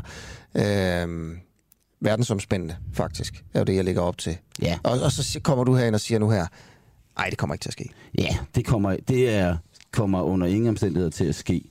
Øh, kan Kina i fremtiden spille en rolle for verdensøkonomien, som er grim. Ja, Kina er verdens anden største økonomi, så hvis noget går rigtig galt i Kina, så går noget rigtig galt i verdensøkonomien. Mm. Men Evergrande er ikke det, der gør det. Det er ikke det, der gør det. Hvor kommer det næste krak fra så? Jamen, jeg tror ikke, at vi skal operere i krak. Jeg tror, vi skal operere i, at Kinas rolle i verdensøkonomien faktisk er aftagende. At den langsigtede vækst i Kina, at Kina bliver mindre og mindre. Der er en række sådan strukturelle modvind, der gør, at Kina... Vi skal 15 år tilbage, så voksede kinesisk økonomi mellem 10 og 15 procent. Sidste år, der voksede kinesisk økonomi 2 procent. Kinesisk økonomi skal underliggende nok vokse 5 procent nu. Om 10 år, så er det nede mod 2-3 procent. Og det er den historie, som er i virkeligheden, hvis man skal er interesseret i verdensøkonomien, er den store interessante historie. Ikke om et, til, ikke et gåsøjne, tilfældigt selskab er i økonomiske problemer. Hmm. Okay. Tusind tak, fordi du ville komme ind. Lars Christensen. Det var en fornøjelse. Ja. Og du har altså skrevet en artikel om, øh, om det her til Nordnet, øh, og der kan man så... Det er korrekt. Der kan man så finde det. Øhm, klokken er 13 minutter over 8. Du lytter til en øh, uafhængig morgen, øh, hvor jeg vil sige, der er kommet flere interessante ting frem. Hvis jeg lige skulle sådan opsummere, så er det, okay, ro på. En økonom siger her til morgen, at øh, den næste øh, store økonomiske krise i verden i hvert fald ikke kommer fra øh, det her kinesiske selskab, der hedder Evergrande, som, som har en samlet gæld i omegnen af 600 milliarder dollars, øh, som er i, øh, i store problemer. Så har jeg også talt her til morgen med en tidligere jobcenterchef i Tornby Kommune, som, som altså helt overraskende, synes jeg altså, siger her til morgen hos os, at der har været flere lovbrud i kommunen. Han har sagt det til kommunaldirektøren, han har sagt det til øh, til, til styrelsen, den der hedder STAR. Øh, og nu har han altså nu har han forladt jobbet. og han siger, at det er blandt andet udbudsreglerne, der er blevet brudt. Øh, man, har, man har givet kontrakter til firmaer for, øh, han nævner et beløb, 50 millioner kroner, som som de her firmaer ikke burde have haft, uden at det var gået igennem et offentligt udbud, øh, hvilket det ikke gjorde. Og der har også været flere nogle andre lovbrud, og nu har han altså taget sit, øh, nu har han taget sit tøj, og så har han gået ud af døren øh, i Tornby Rådhus. Og i stedet for at kigge sig tilbage, så giver han altså interview om det. Og det første, han gav, det var her til morgen hos os. Det synes jeg er en ret vild historie. Udover det, så er øh, dagens store historie er jo, øh, at vi ligesom går og tykker røve lidt på, øh, hvad, hvad skal der ske med Dansk Folkeparti fremover? Øh, hvordan øh, er der en plads til, at Dansk Folkeparti kan spille en stor rolle i, i dansk politik? Øh, eller er det et parti, der på en eller anden måde har, har haft sin tid? Øh, man var måske forud for sin tid, øh, vil nogen mene, når det kom til... Øh, til udlændingepolitikken, men nu har alle adopteret Dansk Folkepartis øh, udlændingepolitik, og så er det sådan set det. Eller hvad? Er der, øh, har Martin Henriksen ret, når han siger, øh, at han siger mere eller mindre det her, øh, at det, det er en mulighed, det er en, det er en risiko for Dansk Folkeparti, med mindre man kommer op med en ny politik på udlændingeområdet. Martin Henriksens tale var meget opsigtsvækkende på, øh, på landsmødet. Jeg kan lige prøve at spille et lille klip fra den her. Så vi skal snart til at tage os seriøst sammen, for ellers så bliver vi til et ligegyldigt parti, og det eneste folk vil huske os for, det vil være meldt og felt og alt muligt ævl og kævl. Og det er den hårde, ubarmhjertelige sandhed, som vi ganske enkelt bliver nødt til at forholde os til.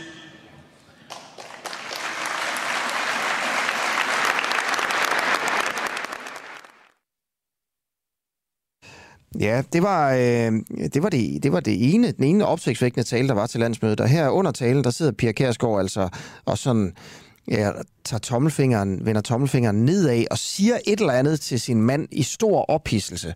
Og hvad den 74-årige tidligere partileder siger til sin mand, det ved vi simpelthen ikke, fordi vi kan ikke mundaflæse. Men jeg vil bare lige sige, at, at vi fik den idé her til morgen, at hvis der er nogen, der kan mundaflæse, så må man altså meget gerne lige uh, sende en, øh, en, uh, en sms ind til mig her til morgen. Man kan jo bare google Pia Kærsgaard uh, tommelfinger, og så, uh, så siger hun altså et eller andet. Hvad siger Pia Kærsgaard? Send en sms til mig herinde i studiet, uh, og det kan man gøre ved at skrive til 1245, og så skrive DUA, D-U-A-H, først, og så en sms øh, og så en tekst, så får jeg den. Man kan også gå ind på vores øh, Facebook-tråd øh, og skrive derinde i kommentarfeltet, så ser jeg også, hvad der, bliver, hvad der bliver skrevet. Så hvis du kan mundaflæse, så prøv lige at hjælpe os med det her. Hvad siger Pia Kærsgaard under Henriksens tale? Et andet spørgsmål, der hang over øh, landsmødet her, ja, det var jo... Øh, øh, hvem der blev valgt til, hoved, til, til, til landsledelsen, og hvem der ikke gjorde. Øh, jeg vil lige prøve at spille et interview, som min kollega Clara Vinter der var til stede til, til årsmødet, hvad hun lavede med Erik Hørs, Høs Sørensen, en, øh, en politiker fra Dansk Folkeparti, der stillede op som hovedbestyrelseskandidat. Han blev ikke valgt. Øh, han var faktisk, øh, han håbede at blive genvalgt. Han sad der i forvejen, men han blev ikke genvalgt. Og han sagde i sin tale til alle på, på mødet, at han vidste da godt, hvem der lækkede interne dokumenter om krisen i partiet til pressen. Men han ville ikke sige, hvem det var. Nej. Har hørt det min tale? Ja. Godt. Og jeg har sagt det cirka 120.000 gange til medierne i lang tid, at det her var uholdbart med anonyme læks fra hovedbestyrelsen. Vi så lige, at, at, at der var nogen, der sagde, at, øh, at, at Martin Henriksen havde været ude og, og, og kritisere. Men sagen er bare, at det var en anonym læk, der gjorde, at det overhovedet kom ud i offentligheden. Men hvis det ikke var dig, og du er den, og Anders Vistisen er den anden, der var så må man jo gå ud fra, at, at du, når du har gravet i det, har fundet ud af, at det var Anders Vistisen. Jamen det vil jeg slet ikke kommentere på, fordi nu lægger vi lov over det, og, og jeg må også bare sige, at jeg også lige svarede til din kollega lige før, at det er svært at spå, især om fremtiden. Og dermed kan jeg jo ikke give nogen klokkeklar garanti, men jeg tror det. Men Erik, hvorfor? Jeg er, meget glad for, jeg er faktisk meget glad for, at vi nu lægger det hele bag os, holder en fed fest i aften, og så skal vi til at lave valgkamp. Men Erik, hvorfor siger du, du ved, hvem det er, hvis du ikke vil sætte navn på, hvem det er? Det er fordi, at det ville have skabt så meget splid i de kommende uger. Men gør det ikke det, du allerede ved at sige, du ved, hvem det er? Nej, nej, nej. Og sagen var også, sagen var også, at hvis jeg havde, eller som jeg siger, hvis jeg havde sagt det lige ud, og jeg ved godt, hvem det er, Hvis jeg havde sagt det lige ud, hvis jeg havde sagt det lige ud, så ville vi have ødelagt den valgkamp, der ligger forud. Men hvordan kan det ikke skabe splid, at du siger, at du ved, hvem det er? Det øh, ved jeg da ikke, altså. Det, det har det jo ikke gjort. Jeg, jeg, jeg konstaterer bare, at jeg ved, hvem det er. Jeg kan ikke... Du vil ikke sige det? Du vil simpelthen ikke sige det? Absolut ikke sige det. Absolut ikke. Vi er videre. Stopper, og det er... Nej, jeg er ikke sikker på, at det stopper. Jeg har lige sagt tre gange i træk nu. Det er svært at spå, især om fremtiden. Det er et citat fra justitsminister K.K. Steinke, Jamen, og det holder tit i politik. Jeg spørger ikke K.K. Steinke, jeg spørger dig. Ja. Altså, stopper læggende nu? Jeg tror, det stopper, ja. Hvem, hvordan har du fundet ud af, hvem det er, der har ligget det? Jeg er gammel graverjournalist og også prisbelønnet for det. Ja. Så jeg regnede baglæns. Og hvordan gjorde du det? Altså, man begynder at læse de bøger, der er skrevet. Man begynder at vurdere, om journalisterne er folk, som man kan stole på. Og hvis de giver en troværdig version, så kan man også se, hvem der er til stede, hvor og hvornår. Kan du ikke give mig nogle tips om, hvordan du har fundet ud af det? Så kan jeg lære lidt. Ja, ja, men kan du komme lidt? Du skal for det, for det første gå ind i du skal gå ind i de presserapporter, når der har været øh, anonyme lækager. Og jeg kan så i øvrigt fortælle dig så meget, at jeg... Øh, det var, mit job på Mærsk var faktisk i nyerne at spore anonyme lækager, så det her er ikke nyt for mig. Jeg er tidligere kommunikationschef i en Mærsk division, men jeg var også på Esplanaden, og der handlede det tit og ofte om, eller ikke tit og ofte, men der kom sager, hvor vi skulle finde ud af, hvor oplysningerne kom fra. Og eftersom jeg er gammel graverjournalist, så var det noget, jeg var udpræget god til. Ikke altid, fordi man kan jo ikke altid øh, spore det, men her er jeg ret sikker. Kan du give mig bare et lille hint, Erik? Bare et lille nej, nej, fornavn, nej, nej, nej, et eller andet, et bogstav. Jeg kommer ikke til at gøre det, fordi nu skal vi have lukket den her. Hvad hvis jeg lover, at jeg giver en fadbams senere? Ja, kan godt. du så ikke du må, sige den, jeg, jeg vil gerne modtage fad, fadbamsen, men det andet der, det kommer du ikke videre med. Ja, det var altså Erik Høgh øh, Sørensen her, som, øh, som siger, at der er, altså det ved vi jo, der er jo en, der slader til præsten i Dansk Folkeparti. Han ved så, øh, hvem det er, man vil ikke sige hvem. Et andet spørgsmål til, øh, til, til, pres, eller til, til årsmødet i Dansk Folkeparti, ja, det var jo det her med, hvem skal være formand.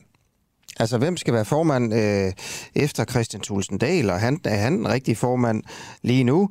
Det er ikke alle, der mener, at han er den rigtige, og her øh, er et par interviews med, med nogen, som øh, min kollega, øh, hvad kan man sige, øh, fangede eller interviewet om, øh, om det her. Ser I en, der kunne være en bedre formand end ham? Måske ja, måske ja. Morten Messersmith, er han et godt bud? Kommer, kommer til, hvis han vender sig, så jeg. Og så vil I stemme på ham? Ja. Ja, det vil jeg Hvad er det, han kan, som Tulsendal ikke kan? Jamen, ja, han er, altså, han, for, han er for væg. Altså, Tulsendal er en grusom flink mand. Men hvis jeg møder uh, Tulsendal i, i brusen for eksempel, så vil han tale med mig. Det tror jeg ikke, Morten han vil. Jo, jo det tror jeg. Det tror jeg ikke, han vil. Jo, han har da bud også ude i Svendborg. Det tror jeg ikke, han vil. Er Christian Tulsendal simpelthen for slap altså, øh, i udlændingepolitikken? Han vil nødt fornærme nogen for at sige det sådan. I vil gerne have nogen, der kan bide fra sig, eller Ja, det er han ikke god nok til. Han glemte at tog, øh, tog hånd om det, da han havde magten. Ja. Det, det, det er hans store problem i dag, og det, det vil ramme ham i rigtig lang tid. Er, er det den, mener I, det er den største fejl, han har lavet? Ja, det, er, Ja, det tror jeg. det er i min verden. Ja. Hvad med Inger Støjberg? Ja, altid. Altså, min, min, min teori, det er, hvis hun vinder, hvis hun vinder, så bliver hun med i dem også garanteret, tror jeg. Og så skal du vente to år, hun formand. Vil I hellere have Inger Støjberg som formand end Morten Messerschmidt? Ja, Det er godt, men om de så kan forliges indbyrdes, det ved jeg ikke.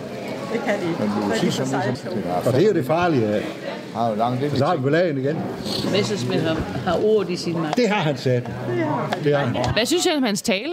Fantastisk. Men det var, det var Kofos altså. Ja, det var han. Kofo, vi har lige haft, vi har lige haft Kofo i, i Hensted. Ja. Øh, der talte han til os næsten halvanden time, uden så meget som helst stykke papir. Det gjorde Ja. Okay, så prøv lige at sætte jeres drømmescenarie op for, for hvem er det, der skal lede Dansk Folkeparti, hvis I skulle sige det. Så er det Messersmith. Ja, det vil jeg også sige.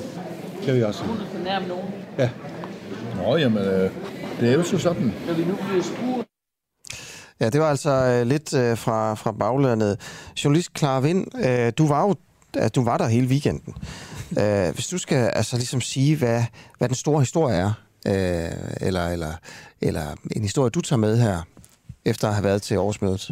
Jamen, på en eller anden måde øh, var det lidt sjovt, at de blev med at sige, at nu skal der ro på. Nu kommer der ro på, men, men samtidig virkede det ikke øh, lige frem baglandet, som om der kommer ro på. Altså, de synes jo, Tulle er for, for flink. Han har ikke det der, som Messerschmidt har, hvor han virkelig kan gå frem og, og have den kant, som de altid øh, siger, de gerne vil have.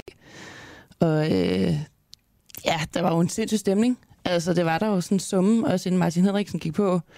Og det samme med Pia, hun blev også ved med at pusle til den bagefter. Og så spørgsmålet er jo egentlig, om der kommer ro på, og hvornår den der øh, øh, streg i sandet egentlig bliver trukket. Ja.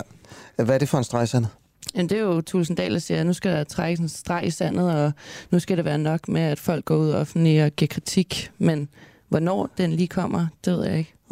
Hvem er det, der har været ude og, og give kritik? Altså, hvem er ligesom...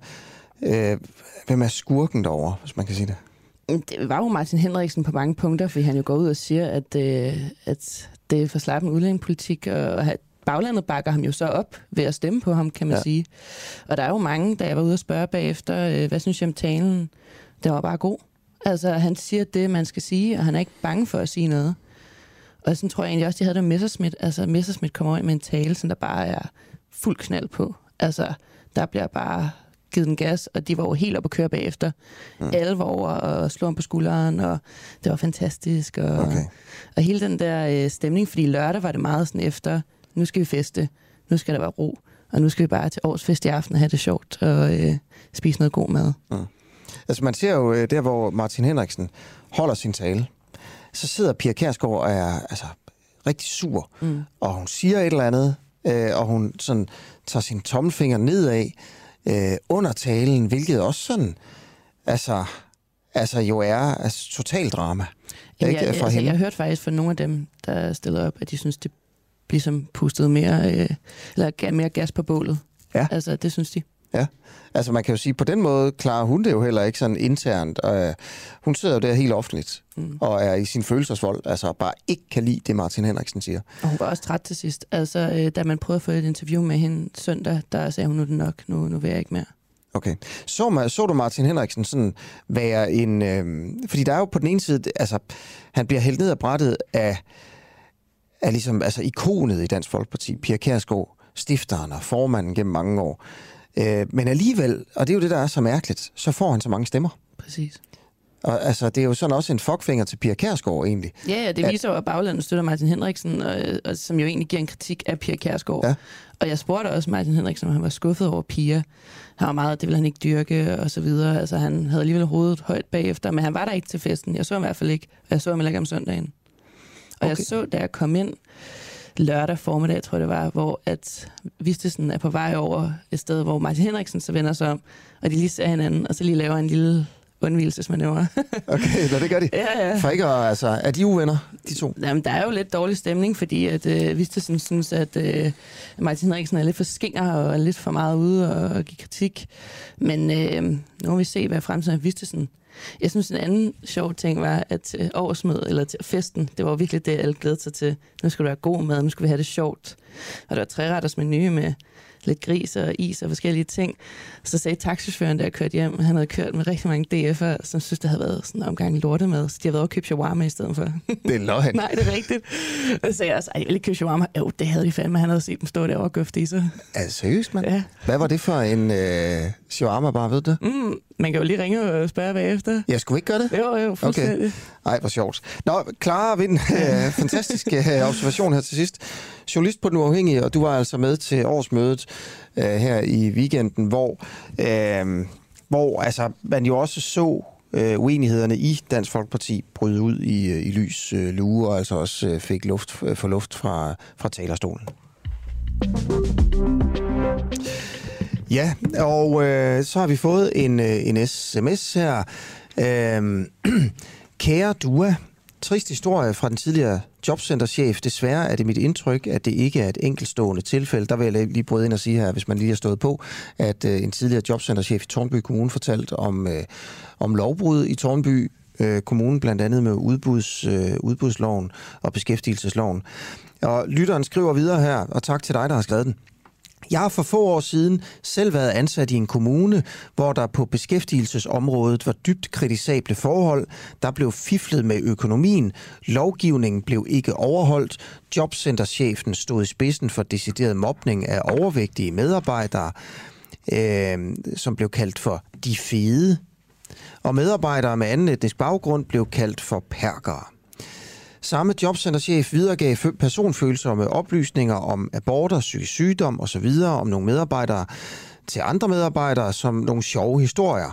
Og arbejdsmarkedschefen var bevidst om det hele, og os, der råbte op, blev bare kørt ud på et tidsspor og behandlet som undermennesker, skriver altså en, øh, en lytter her. Øh, og vi prøver selvfølgelig øh, at få den her historie foldet ud, fordi det er jo også sådan lidt øh, anonymt det hele her. Altså, hvad er det for en kommune?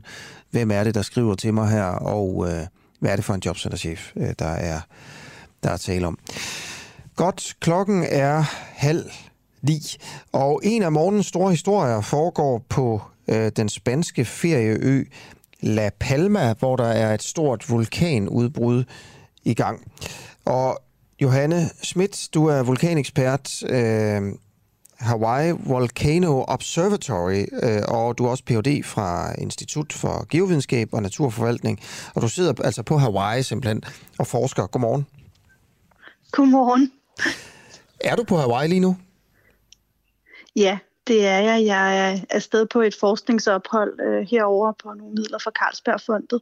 Så, øh, så jeg sidder på Hawaii ude af min forskning i øjeblikket. Mm. Øh, øh, vil du prøve at først altså beskrive med dine ord, hvad det er, der, der foregår på øen La Palma lige nu?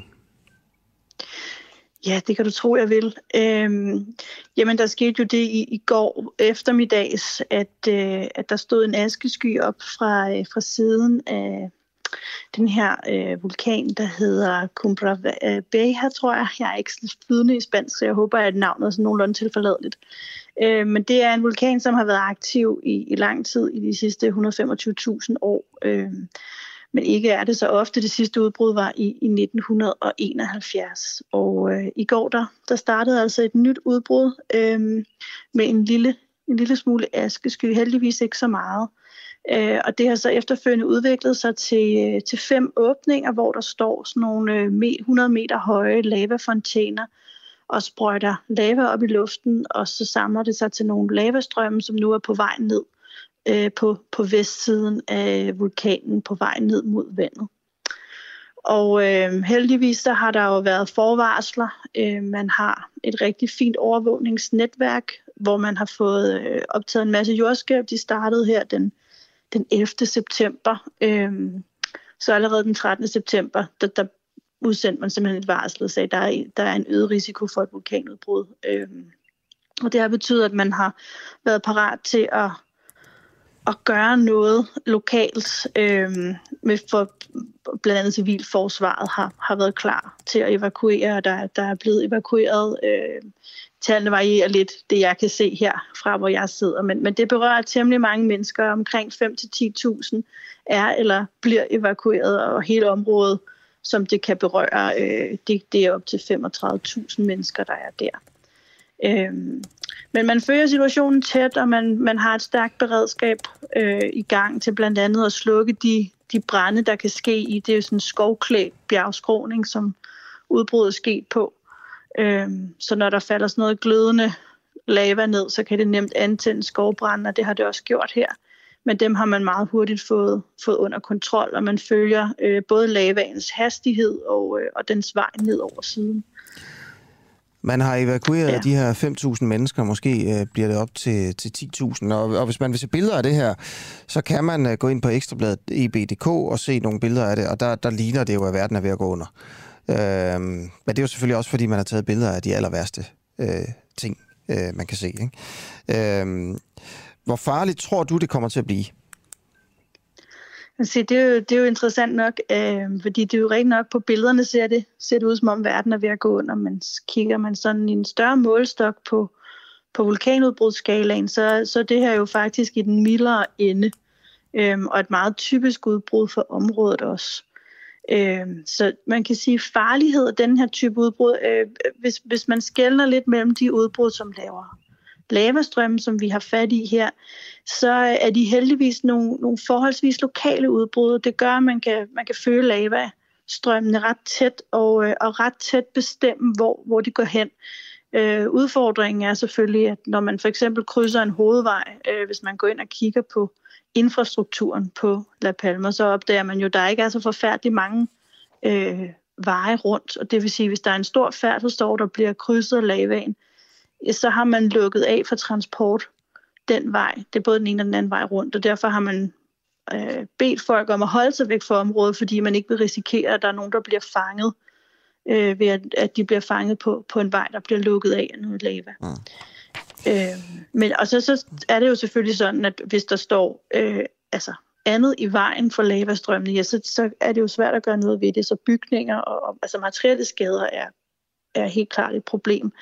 Mens øh, altså i går målte man en hastighed på 700 meter i timen for, for lavastrømmen. Den kan sagtens tage til, men, men, øh, men er typisk ikke noget, der kommer. Det kommer ikke bragen med flere hundrede kilometer i timen, som, så man kan, som man gør her, få folk væk, øh, og også altså, øh, land, landbrugsdyr og sådan noget, få, få det væk fra området. Så på den måde, der er vi heldigvis på den milde ende af skalaen, og ikke øh, i et større eksplosivt udbrud, hvor, hvor det kan gå stærkere og kan brede sig øh, med vinden over meget store områder. Altså, hvad, hvad er det værste, aller, aller værste, der kan ske? Her på La Palma, eller sådan i al bred almindelighed, tænker du? La, La Palma først. Jamen La Palma, der er det her meget typisk vulkanudbrud, så, ja. så det er den, den klassiske situation, vi okay. vil se her. Hvis man tager andre steder hen og kigger på helt andre vulkantyper, øh, så kan de være langt, langt mere eksplosive, og så er man jo selvfølgelig, kan man gå helt ud i, i de værste scenarier, som, som nu sker. Hvad, hvad er det aller værste scenarie? Jamen, det er jo de der berømte supervulkaner, som man engang imellem taler om, som er sådan et meget usandsynligt, men, men meget voldsomt vulkanudbrud, hvor, hvor der er en meget, meget stor produktion af, af aske, som breder sig over et kæmpe, kæmpe stort område, øhm, og som samtidig pumper en masse øh, gas, svovlgas blandt andet op i atmosfæren, og, og dermed lukker for sollyset, og, og kan have klimaændrende effekter i, i, i et stykke tid. Øhm, det kan få ret store konsekvenser. Men det er som sagt det er også i den usandsynlige ende af skalaen, sådan rent statistisk set. Ja, hvor tit vil det øhm, ske? Uha, der går mange hundredtusind år ja. imellem, så noget sker. Så det er ikke noget, man sådan behøver at sidde og bekymre sig om, vil jeg sige. Okay.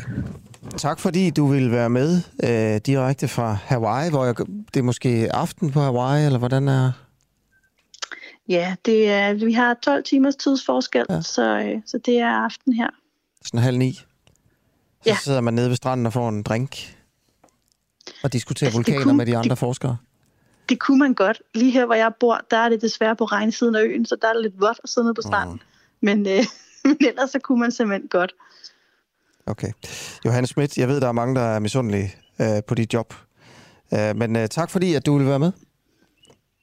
Jamen øh, selv tak, og så skal de da bare gå ind og blive geologer, hvis de også vil lege på vulkaner.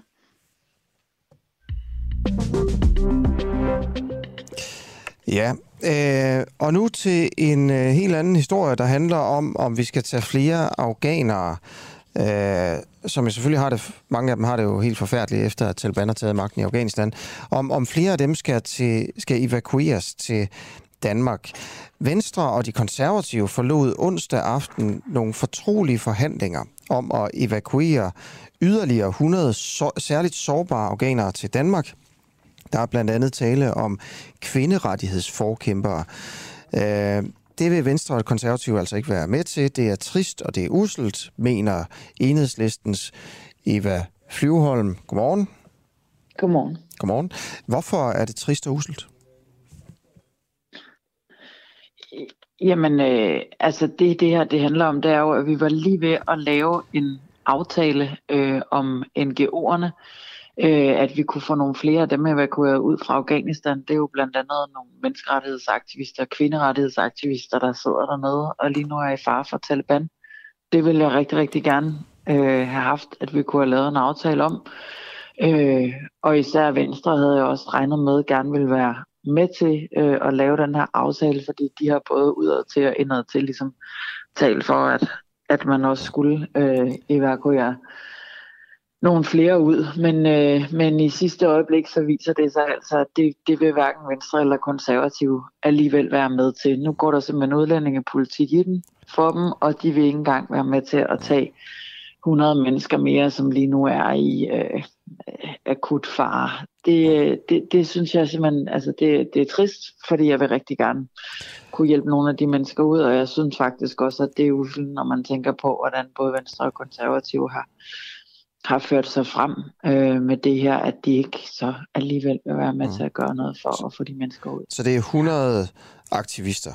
Altså, hvad er det for nogle Det aktivister? vil ikke engang, prøv at høre, det vil ikke engang være 100 aktivister. Nå, det, de er der der så? 100 mennesker, det er øh, aktivister og så familier. Så altså i virkeligheden, så er den her aftale, den var alt for lille i mine øjne. Det ville ja. måske dreje sig om, at man kunne evakuere 20 eller 30 menneskerettighedsaktivister og så noget af deres nærmeste familie. Ikke? Okay. Øh, Og hvad er det, er for nogle sådan 20-30 menneskerettighedsaktivister, du gerne vil have til Danmark? Ja, det kunne være, øh, altså det kan være sådan nogen, som, som har arbejdet for danske øh, organisationer.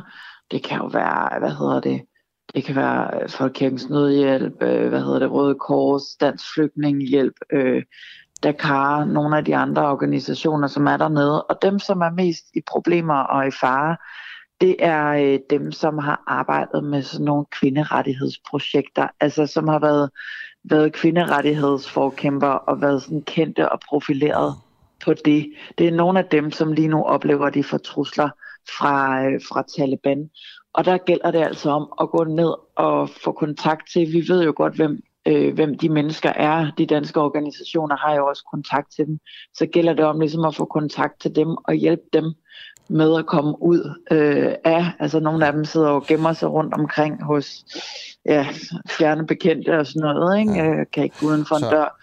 Og simpelthen få hjulpet dem til at få nogle øh, papirer, så de kan komme ud af, af Afghanistan ja. og få et øh, visum til Danmark og Ja. blive evakueret. Så det, er- det er nogle af de, de her 20-30 aktivister, som for dem er det, er det farligt, siger du, at de oplever at få, få trusler. Så er spørgsmålet jo så, om, om det i virkeligheden altså, er farligt for dem, og hvordan vi kan vide det, og hvordan vi kan undersøge det. Udenrigsordføreren for de konservative, Markus Knudt, han mener, at, øh, at øh, du og enhedslisten gambler med danskernes sikkerhed, øh, fordi man ikke kan foretage et ordentligt sikkerhedstjek af de her folk, inden man tager dem til Danmark. Man kan simpelthen ikke ordentligt finde ud af, hvem det er, vi henter hertil. Og han siger, vi kan på ingen måde stå inden for at hente folk hertil, hvis identitet vi ikke kan fastslå, og som vi ikke kan sikkerhedsscreene i forvejen. Vi så under evakueringen i august, mens vi stadigvæk havde soldater og diplomater til at screene i Kabul Lufthavn, at det lykkedes for to udviste kriminelle afghanere at komme tilbage. Nu har vi ingen tilstedeværelse på jorden, siger han altså til politikken. Og ifølge politikken står der i regeringens aftaleudkast til forhand, øh, øh, at øh, altså der er på, på bordet nu her, at Danmark i citat, videst muligt omfang, citat slut, vil prøve at sikkerhedsscreene personerne inden evakuering. Øh, Det erkendes dog også, at de praktiske forhold for screeningen er blevet endnu mere udfordret, øh, eftersom Danmark ikke længere har nogen tilstedeværelse i Afghanistan. Og det endelige sikkerhedsinterview, det endelige sikkerhedsinterview vil altså derfor først kunne foretages på dansk jord. Og der er jeg ret sikker på, at mange vil sige, at når de først er i Danmark, så kommer de sandsynligvis til at blive i Danmark i lang tid. Ja, men... Både Venstre og de konservative øh, henviser altså til de her sager om de to udviste bandemedlemmer, der på en eller anden måde sneser ombord på et, øh, på et fly fra Afghanistan i august. Hvordan er det? Ja, men det, bare lad os lige prøve at tage det op det her, fordi øh, jeg tror, at der er mange, der mener, at det er, det er relevant. Øh, hvordan er det, at du forestiller dig, at man vil kunne screene de her 20-30 mennesker og deres familier ordentligt, øh, inden de kommer på et fly til Danmark? Jamen vilkårene er jo, altså vilkårene er jo, at vi har ikke længere en ambassade i Afghanistan. Og derfor så kan man selvfølgelig heller ikke lave de samme screeninger med. Det ved både Venstre og Konservative udmærket ja. godt, og det vidste Venstre og Konservative jo også udmærket godt, at man ikke ville kunne dengang de stod og førte sig frem for bare få uger siden med, at man hellere skulle have en for meget øh, end en for lidt osv. Så der er jo et, et vist element af hyggeleri i det her. Men det man kan gøre, og som gør, at det her faktisk er meget sikkert, det er, at det her, det er jo personer, man går ind og håndplukker. Det er jo mennesker, som arbejder for danske NGO'er, som kender dem. Så det er jo der, man skaber en direkte kontakt. De to øh, LTF'er, der kom ud via Lufthavn, de var jo i virkeligheden danske statsborgere, øh, så vidt jeg husker, eller de havde i hvert fald opholdstilladelse. De var ikke øh, NGO'er, de var ikke håndplukket på den måde, de var med på den, der hed Danskerlisten. Og der gik det rigtig stærkt i Lufthavn de dage. Her har man mulighed for at gå ind, håndplukke de her mennesker i samarbejde med de danske organisationer, som de arbejder for. Mange af dem er jo fuldstændig velkendte altså, øh, for deres øh, arbejde, og er jo altså, det er de færreste kvinderettighedsforkæmpere, som samtidig også er sådan, øh, hvad skal man sige, øh, øh, øh meget formørkede øh, øh IS-terrorister for eksempel. Ikke? Der er ligesom, øh, det, det hænger ikke rigtig sammen. Så det er jo nogle folk, som man godt kender, og som man kan gå ind og håndplukke. Men så er det helt rigtigt, deres mænd at du kan med, ikke... Ja, og igen, så må man sige, deres ja, familier, deres altså. nærmeste familie kommer også med. Ja. Og der igen vil jeg Hvordan så skal de tillade mig at antage, ja, men det er jo det, jeg siger, der tjekker man jo deres familier, og igen, på mange af de her menneskerettighedsaktivister, så er det faktisk også øh, ret rimeligt at antage, at de nok heller ikke Så du tænker, hvis er, man har haft øh, en, en kone, der har, øh, der har arbejdet for en dansk nødhjælpsorganisation, så er man ikke Ja. øh, ekstremist.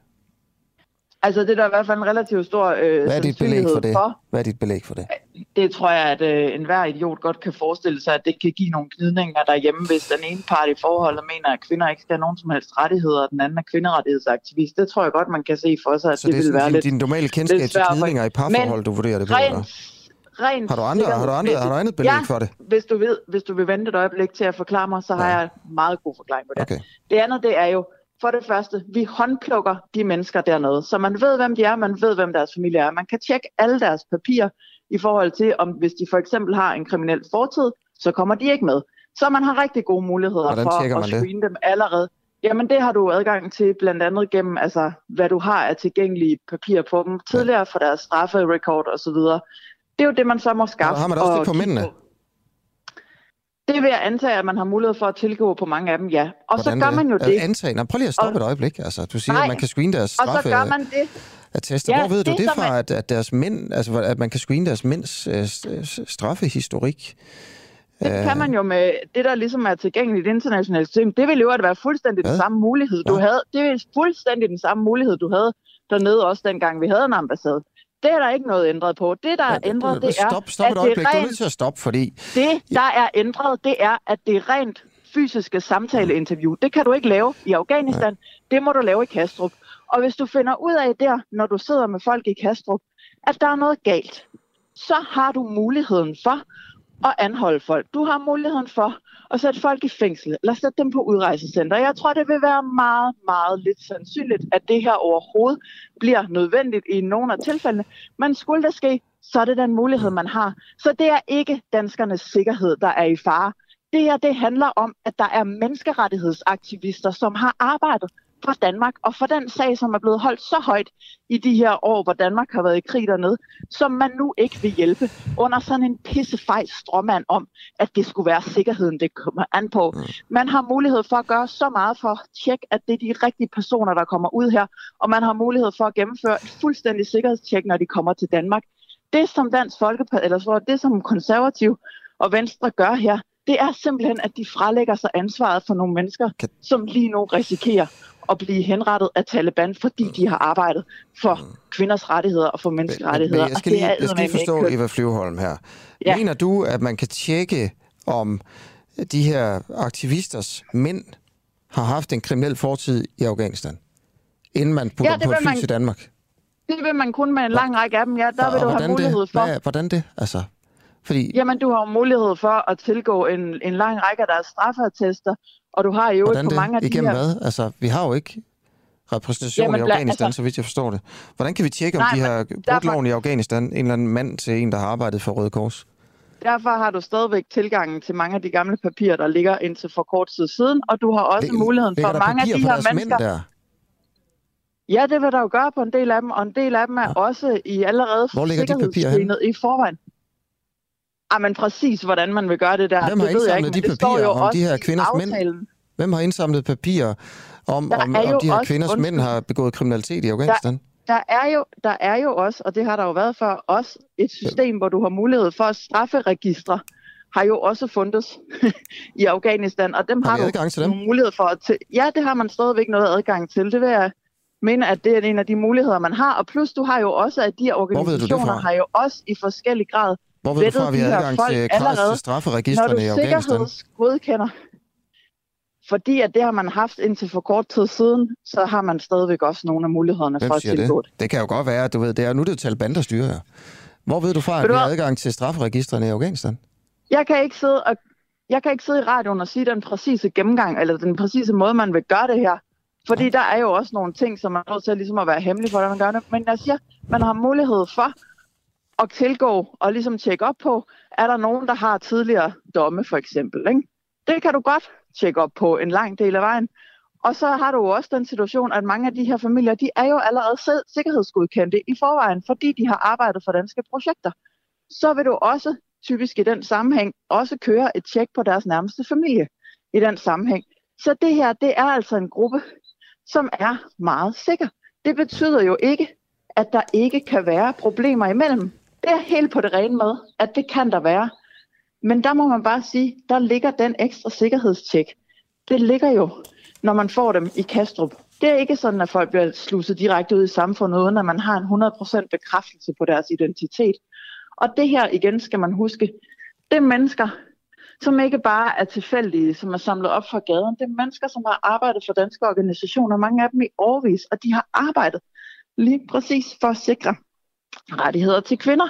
De har sikret, altså arbejdet for at sikre rettigheder til mennesker. Øh, det, er, det er folk, som er troet af Taliban på grund af lige præcis det arbejde. Så helt ærligt, så må man sige, at det er jo vilkårene, at som det er lige nu, så har man ikke mulighed for at gennemføre det fulde sikkerhedstjek i Afghanistan. Det er jo vilkårene, det ved alle.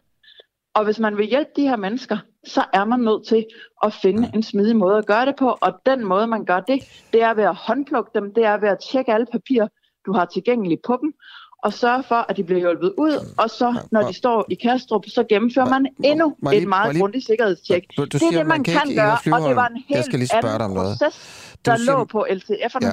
Ja. Du siger, at man kan ikke lave det fulde sikkerhedstjek af de her folk, som du gerne vil have til Danmark i Afghanistan. Ja. Hvad, er det, man ikke, hvad er det, man ikke kan tjekke i Afghanistan? Som man, det, man som ikke man kan tjekke, tjekke i Afghanistan, som er den store forskel, det er, at typisk så før, så vil man jo have gennemført en personlig samtale også, som vil man vil have gennemført på ambassaden i Afghanistan. Ikke? Det vil være proceduren før med de tolker og NGO'er, som man tidligere ligesom har evakueret også under krigen, hvis der var nogle problemer, så vil man ligesom gennemføre en samtale også i Afghanistan. Det kan man simpelthen af gode grunde ikke gøre, fordi vi har ikke dansk personale, der sidder i Afghanistan, fordi Taliban har overtaget magten. Så det er ligesom sådan, vilkårene er. Og derfor er man nødt til at sige, at den personlige samtale, den tager du først, når du sidder i Kastrup. Det er sådan, det er nødt til at være. Men at man har mulighed for at tjekke, hvem er de her folk, at man har mulighed for at gøre det i samarbejde med organisationerne, at man har mulighed for at køre navnene på deres familiemedlemmer igennem internationale strafferegistre osv. Og det, det afghanske har du jo, Ja, og det har siger. du den fulde. Altså, hvad skal man sige, der er det jo nok de gamle oplysninger, man ligesom må, må, må lægge an på, ikke? men altså, de er trods alt heller ikke så gamle. Øh, de muligheder har man jo fortsat, okay. øh, kan man sige. Det, det er uændret, men men, men det der personlige interview, det kan du, øh, det kan du ikke, af god grund ikke komme til at gennemføre i Afghanistan. Og det er simpelthen ikke grund nok øh, til at sige, når man okay, så slår vi hånden af de her mennesker, som vi ellers ligesom har givet udtryk for, at vi vil hjælpe. Og det er jo helt absurd, altså, at især Venstre for 14 dage siden stod og sagde, vi skal hellere hjælpe en ud for meget, altså en for meget end en for lidt ud. Og når de nu får chancen, så vil de faktisk ikke være med. Det er jo okay. dybt hyggelig. Okay. Altså. Eva Flyvholm, tusind tak, fordi du vil være med. Øh, forsvarsordfører for Enhedslisten. Tak for det. Selv tak. Hej. Ja, syv minutter i øh, ni er, øh, er klokken. Det vil sige, det lakker mod enden her. Husk, du kan støtte den uafhængige, hvis du øh, synes, at det vi laver er vigtigt. Øh, så send en sms til 1245 og skriv UA. Ulla Anders. Altså, du skal ikke skrive Ulla og Anders, du skal bare skrive UA. Øh, og så får du et link, og så er du lige pludselig medlem, og så får vi en lille smule penge af dig hver måned, og så kan vi for det første bare fortsætte med det, vi laver nu, øh, og, og så også øh, altså simpelthen øh, prøve at udvikle og, og, og, og gøre det endnu mere. Vi vil jo gerne lave den mest kritiske morgenflade i Danmark. Vi vil gerne lave de bedste interviews øh, med, med magthavere, og så vil vi øh, også bare gerne lave noget levende radio, som er alle sjovt at lytte til om, øh, om morgenen. Hjælp os med det, blive en del af det fællesskab, vi har. Øh, man får blandt andet adgang til nogle Facebook-grupper og sådan noget. Med at skrive en sms øh, til 1245, og så skrive der er seks minutter tilbage af udsendelsen. Jeg vil gerne prøve at stille spørgsmålet om øh, dyr på en eller anden måde altså, øh, bliver udsat for, for mishandling i sådan nogle øh, naturnationalparker, som regeringen har planlagt at, at lave. Øh, noget, som øh, mange dyr elsker jo egentlig godt kan lide. Øh, jeg tænker, det er godt med nogle naturnationalparker, men der er nogle enkelte dyreaktivister, som synes, det faktisk er en dårlig idé. En stor gruppe danskere protesterer i øjeblikket mod regeringens planlagte naturnationalparker, øh, fordi de her mennesker mener, at de store klovdyr, der efter planen skal bo i parkerne, kommer til at blive ofre for decideret mishandling. Dorte Brauner Jensen, Godmorgen, du er dyreaktivist. Hvad er det, der er så slemt her? Ja, godmorgen. Jamen altså, det der er slemt i det her, det er jo, at man, man tager nogle tamdyr, og så placerer man dem ud i nogle øh, naturnationalparker bag strømførende hegn. Det er dyr, der er, hvad hedder det, under, øh, underlagt mennesket, og, øh, og, og de er jo slet ikke vant til at gå ud i de her øh, skovarealer. Øh, så det er jo ren og skær øh, dyrmishandling og, og plante tamdyr bag hegn, og så fratage dem muligheden for at søge efter føde. Når der ikke er mere føde, så er der ikke mere føde, og så dør dyrene. Men det er jo også det, der er hele planen i de her parker. Ja, hvad? Jamen altså planen med de her naturnationalparker, det er jo, at der er et fåtal af biologer, fanatiske biologer, der har tilsluttet sig rewilding-ideologien, som er en, øh, en, øh, en hvad hedder det, ideologi, som, som stammer tilbage fra USA for mange år siden, øh, hvor man tror, at man kan sætte naturen tilbage, som den så for 5.000 år siden. Det kan man bare ikke. Man forsøgte under 2. verdenskrig, øh, hækbrødrene, de forsøgte at lave det samme med hækkvæget, og lave en, øh, hvad hedder det, øh, en, en øh, hvad hedder det, stærk race, der kunne klare sig på de og de arealer. Og det er det samme, man er ved at forsøge at gøre her i Danmark. Øhm, og det, der problem i det her, det er jo, at, øh, at, at dyr man planter bag hegn til et formål. Det er jo tamdyr. Det er jo, det er jo dyr, der ikke kan vandre, og det er jo dyr, der ikke kan... Altså, der, der er jo både sygdom og, og, og fødemangel i det her, ikke? Okay. Du har en Facebook-gruppe på cirka 11.000 medlemmer og sætter jo tonen for, for ja. mange, der er meget aktive i den ja. her debat, og det er jo også derfor, vi, vi taler med dig. Øh, som ja. ejer af sådan en Facebook-gruppe har man jo lige pludselig en magtfuld øh, person jo i sådan noget her. Ja. Øh, regeringen, Enhedslisten, SF og Alternativet satte sidste år knap 1 milliard kroner af til 15 nye naturnationalparker, og de skal altså så drives efter de her rewilding-principper. Øh, ja. Som lille bonusinformation kan jeg sige her, at du er gået fra at være en livslang støtte af Enhedslisten ja. til at stemme på nogle andre øh, på grund af ja. den her sag. Hvem er, hvem er det, du vil stemme på nu, i stedet for enhedslisten? Jamen, øh, jeg har overvejet mig at stemme på Dansk Folkeparti. Mm. Øh, jeg er født og opvokset, øh, hvad her det, med øh, en, en familie med socialistisk tankegang, hvor man øh, drager hvad hedder det, omsorg for, for svage individer, både mennesker og dyr. Når så jeg oplever, at de partier, jeg har stemt på, de går ind for, de har et, eller, hvad hedder det, går ind for en rewilding-ideologi, en fanatisk tilgang til dyr, så bliver jeg jo nødt til at stå af. Altså den her ideologi, den er baseret på det stærkeste dyrs overlevelse. De kalder det også noget så flot som naturlig selektion, og det er faktisk det samme som at sige, de dyr, der er stærke, de har ret til livet, ja. og de dyr, der ikke er født til, eller de dyr, der bliver syge, syge de, øh, de skal dø. Og det er jo meget, meget uh, usocialistisk i, mine, ja. i mit univers. Jeg kan slet ikke forstå, at de røde partier øh, går ind for dyr, det her. Jo, det er jo ikke... Øh, jeg tror, at socialismen handlede om at behandle mennesker ordentligt.